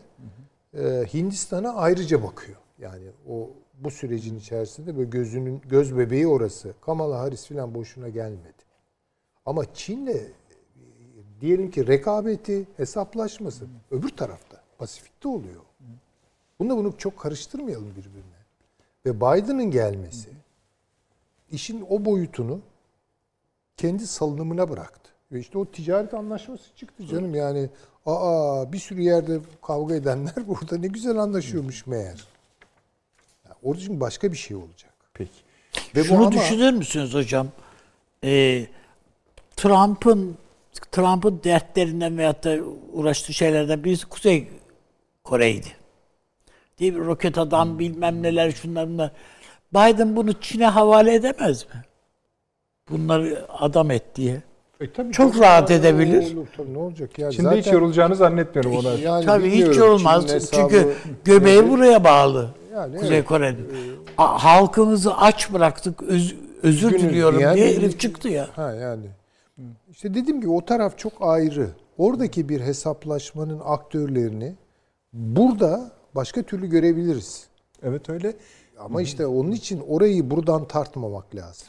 Bu- Buradan derken ne, neyi Yani kıtasal, e, öyle değil. karasal ölçekli Bunu bize gerilimler- itekleyen esasında yine Amerika. Bunu yapmamıza yani itekleyen Ama Amerika. Biraz biz kendimiz de bunu ihtiyat E, haline tamam, getirdik. Peki. Şöyle yapalım o zaman. Bir reklama gidelim sonra Paşam'la devam edelim. O bize aynı zamanda ilk savaş nerede çıkacak onu da anlatacak. Hemen dönüyoruz efendim. Bir dakika reklam arası. Haberin sosyal medyası gzt.com sizi çok farklı bir okuyucu deneyimine davet ediyor. Merak ettiğiniz sorular yanıt buluyor, henüz duymadığınız şaşırtıcı konularsa karşınıza geliyor. Yorumlarınıza editörler cevap veriyor, arkadaşlarınızla paylaşmak isteyeceğiniz eğlenceli içerikler hazırlanıyor. Sizler için kamera karşısına geçiliyor ve olaylar sıkmadan ve anlaşılır şekilde anlatılıyor. Özel infografikler, videoların yanı sıra burada sayamayacağımız sayıda farklı dergiler. Şimdi telefon ekranınızı daha da anlamlandırmak için sizi davet ediyoruz. GZT uygulamasına iOS ve Android marketlerden kolaylıkla erişebilir, pişman olmazsınız. Mutlaka indirin. Reklam arası sona erdi. Akıl Adası devam ediyor efendim. Buyurunuz paşam. Ona sonra geliriz. Liste bile çıkarılabilir. Bu konuşmalarımız esa- e, e, kapsamında Yani esasında çok özür dilerim. Trump Hatta bir dostumuz biraz önce hani bu şeyde eğer bir Türkiye Avrupa Birliği zirvesinde yaptırım uygulanması vesaire vesaire gelirse hangi ülke destekleyecek, hangi ülke destekleyemeyecek gibi 29 ülkeyi kapsayan bir listede atmış yani. evet. O kadarını biliyoruz yani. Evet, evet. e, e, Trump bunu derler yani gider ayak e, Biden'ın eline pimi çıkarılmış bir el bombası bırakıp Bıraktı. gitmek istiyor ki e, nasılsa 4 yıl sonra bir daha ben başkan olurum kaldığım yerden devam ederim diye herhalde düşünüyor. Çünkü e, dediğim gibi yani bu e, Aralık ve Ocak ayı, Ocağın 23'ü mü 24'ü sanırım devir teslim olacak o tarihlerde. Bu iki aylık sürede e, Zaten talimat verdi devir teslim için Evet. mekanizma Ama bir, başlasın bir diye. diğer taraftan da e, ona yetkiyi bırakmadan güvenlik politikalarında ve Ayrıca- Başkan, başkan o. Başkan e, hocam, devam tabii. ediyor. Tabii biz bu arada Avrupa Birliği hani güvenlik falan diyorduk ama Avrupa Birliği'ni biliyorsun Hollandalı gazeteci girerek onların toplantılarını izliyor ya. Dolayısıyla Evet, e, aslında gü- doğru. güvenlik Ondan politikalarının alt üst olduğunun Çok e, en önemli işaretidir. Yani bundan sonra Zoom'lu olan toplantılarına da uluslararası ilişkilerde de devlet Ve politikalarında nasıl da olmuş? Yani şeyi görüyor. yani Yok, davet görüyor kendisine. Ya Zoom'lu toplantının link şeyini şifresini e, almış yani sana da bana da gönderebilirler. Ona da gelmiş, evet. Z- Zoom toplantısı için. Bu almış onunla girmiş yani zaten. Evet. Yani bütün konuşmalar Bakanlar da güldüler. E, tabii yani. Ve e, kahkaha attığı için fark etmişler. Evet, evet. Sen kimsin diye. Hayır, Konuşulanları kravatlı mravatlı dinliyor. olsa uzun süre gidebilirdi. Bayağı Tabii, adam var tabii, çünkü tabii, içeride. öyle. Yani e, bu işte tabii Avrupa Birliği'nin içine düştü. Bu kadar 29 tane ülkeden oluşursan bunun kontrol edilmeyeceği belli. Yani bundan sonra e, bu tür olaylarla özellikle pandemi geçiş sürecinde e, bütün Sık ülkeler karşılaşabilir. Yani gazetecilerin e, yeni bir e, bilgi ve istihbaratçıların yeni bir bilgi alanı. Özellikle Zoom üzerinden yapılan bütün kontrollerin hiçbirinin güvenlik katmanları yok. Çok rahatlıkla dinlenebiliyor. Yani e, bu konuda da ülkeler başka yöntemler herhalde geliştirirler. Ama e, hackerlar tarafından rahatlıkla özellikle mesela bankalar, e, borsa üzerine ekonomik kararlarda çok dikkat edilmesi gereken bir sürece girdik. E, tabii bununla birlikte ben e, özellikle e, Türkiye e, işte Cumhurbaşkanımızın e, Putin'le olan e, görüşmeleriyle birlikte son iki gündür e, Suriye kuzeyinde e, saldırılar arttı. Bugün Afrin'de vardı. Yine Elbap'ta biz bombalı saldırı oldu. Beş ölü var Elbap'ta. E, Afrin'de de bir ölü var. E, bütün bunlara baktığımızda e, bu bölgede de bir hareketlenme olduğu görülüyor. Yani biraz önce ifade ettiğim gibi yani Fırat'ın doğusu çok hareketli şu anda. Yani Amerika Birleşik Devletleri yine Trump her ne kadar Biden PKK şey PYD'yi desteklediğini söylese de Amerika bu işi e, garantiye almak istiyor ve buradaki faaliyetlerini yine Trump'ın hızlandırdığını görüyoruz. E, çünkü dediğim gibi geçmişte iki ayda bir yapılan bu e, büyük kapsamlı toplantıları e, 10 günde 3'e çıkarttı şu anda. E, ve e, özellikle Arap aşiretler üzerinde etkisini giderek arttırmaya çalışıyor. PKK'ya e, bir de Arap gücü adı altında bir yapı oluşturmaya başladı burada. Yani şimdiye kadar SDK'den Suriye Demokratik Güçlerinden oluşan bir yapı vardı. Yani onun üzerine bir de Arap aşiretlerinin e, işte bu SDG yapısının kendilerini etkisiz hale getireceği endişesini gidermek için özellikle bu petrol çıkarılan bölgelerde Deirizor bölgesi olmak üzere bu bölgelerde Arap gücü adı altındaki aşiretlerden meydana gelen bir yapı oluşturma kararını aldı. E şimdi burada tabii iki farklı yapı var ama bu ikisini de bir denge unsuru olarak herhalde burada kullanmaya çalışacak ve Arap e, gücüyle de e, Esad arasında bir bağlantı belki e, kurmaya çalışacak. Yani öyle bir politika var. Yani Fırat'ın doğusu e, bence e, çok hızlı gelişmelere e, gebe. Özellikle bu gene iki aylık süre içinde diyorum. E, buna özel e, dikkat Öbür e, tarafta Sincar da önemli. Evet evet yani Sincar e, özellikle bu İçişleri Bakanı'nın Bağdat'la Erbil arasındaki anlaşmadan sonra bölgeye binlerce asker Peşmerge geldi. Şey de göndermiş ama. Bağdat yönetimi de. değil şimdi? Bağdat Hadi, yönetimi Yani bir kere gönderdi. PKK'yı buradan Evet temizleyeceksiniz diyor. bu kesin e, yani PKK'nın buradan gidecek olması Ama gönderilmesi için bunlar bizim hayrımıza olan bir Tabii. şey amaç değildir ki. Amaç şu. Yani Türkiye'nin bölgeye müdahalesini ne haklı çıkartacak sebebi ortadan kaldırın kardeşim. Yani İran kuzeyine şu anda 22 tane bu bittikten sonra diyecek ki 22 veya 23 tane üst bölgesini artık Kaldırın ihtiyaç kalmadı kaldır diyecek.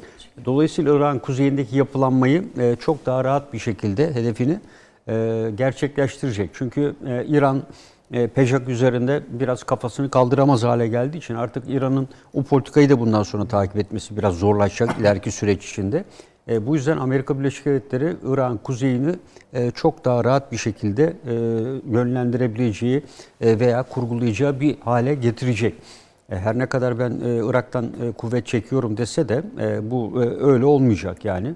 E, burada tabii e, Hocam diğer o zaten askerle olacak bir iş değil. değil tabii tabii. Bağdat yönetimini elinizde tuttuğunuz e, Kuzey Irak yönetimini de etkileyebildiğiniz anda bitiyor zaten olay. Tabii. Herkes. Ee, burada tabii e, Avrupa Birliği'nin bu bölgeli genel anlamda bir politikası yok gibi görülmekle birlikte tabii Fransa işin içinde olduğu için e, burada e, Trump tabii e, özellikle Irak ve Suriye bölgesinde e, NATO'nun harekat alanı kapsamına girmesini istiyordu. Yani NATO'nun ilgi alanı e, içinde olmasını istiyordu. E, Fransa'da belki bu dönem içinde Avrupa Birliği'nin ilgi alanı içerisine daha çok sokmaya çalışabilir. Yani her ne kadar e, kendisi bu bölgede tek hakim olmak istese de tarihsel süreç içinde e, bu bölge Avrupa Birliği'nde dahil edebilir ve bir şekilde NATO ile Avrupa Birliği'ni e, özellikle Amerika'yı ikna ederek e, aynı şemsiye altında burada e, siyasi ve askeri olarak e, tutabilir. E, bu e, tabii kuvvet bazında da e, yapabilir. Yani şeyin dışında Türkiye'nin tüm istemine karşı e, e, özellikle e, Suriye'nin kuzeyinde bu tampon bölge oluşumu tekrar önem kazanabilir. E, Türkiye'nin olasılıkla özellikle bu PKK'nın, PYD'nin yani bu, buradaki devletimsi yapının biraz daha somut haline geldiği anda e, Türkiye'nin olası bir harekatını engelleyecek şekilde bir mekanizma e, peşinde de e, burada koşulabilir. Belki de bu Arap gücü yapılanmasını bu maksatla da kullanabilirler. Yani Türk sınırı, Türkiye sınırında. Ama o Arap gücü dedikleri yani Arap aşiretleri Türkiye'den yana. İşte onun için Türkiye sınırına yani e, öyle e, onu e, ifade etmek istiyorum. Yani Arap gücünü Türkiye sınır bölgesinde güvenliği sağlamak üzere PYD ile veya PKK ile unsurlar arasında bir tampon gibi veya resmi NATO vesaire şemsiyesi de ayrıca İşte olabilir bizim tabii. bu diyoruz ya yani siyaset geliştirmek. Evet, Üretmemiz ye ihtiyaç. Biz bölgeye dönük şey yapamadık. Yani bir kısır döngüye girdik. Sadece işte e, belli noktalarda işte İdlib'e teksif ettik filan ama yani böyle nokta hedeflerle çözülmüyor. Bir de genel bir bakış gerektiriyor. Bir bütünün içerisine oturtturmak gerekiyor. İşte demin onun için dedik yani bu Sincar aa ne güzel PKK'yı temizliyorlar. Ya PKK zaten kalmamış ki kardeşim. 354 bin 54, kişi. 54 evet. Yani işte İçişleri Bakanı açıkladı yani bütün militan sayısını. Yani bunu defetsen ne oluyor? Orada kazda ne yapacak? Yani ka- bayraksallar bilmem ne o kadar işte. Başka bir şey değil. Tehdit e, PKK tehdidi. Bağdat için tehdit. Evet. Yani Kuzey Irak için artık tehdit değil PKK. Yani Kuzey, Kuzey Irak yönetimi için. Değil. Kafalarını kaldırdıkları anda küt diye Türkiye iniyor ya tepelerine işte. Arada bir Haçlı Şabi ile işbirliği yapıyorlar. Tabii. Yani Daha dün yani. E, Bu silah işlerine bakan oğlan Evet, evet. MIT operasyonu İran ha- kuzeyinde ve güneye gitti yani. hale getirildi. do- dolayısıyla Suriye ile yani Irak arasında irtibat sağlıyor. Esas bu PYD için siyaset oluşturmamız gerekiyor. Evet. Ne yapacağız diye. Adam çünkü iste, bize diyor ki isterseniz adını değiştirin. falan Tabii, böyle zaten, e, uyduruk kaydırık yani İşler çıkar.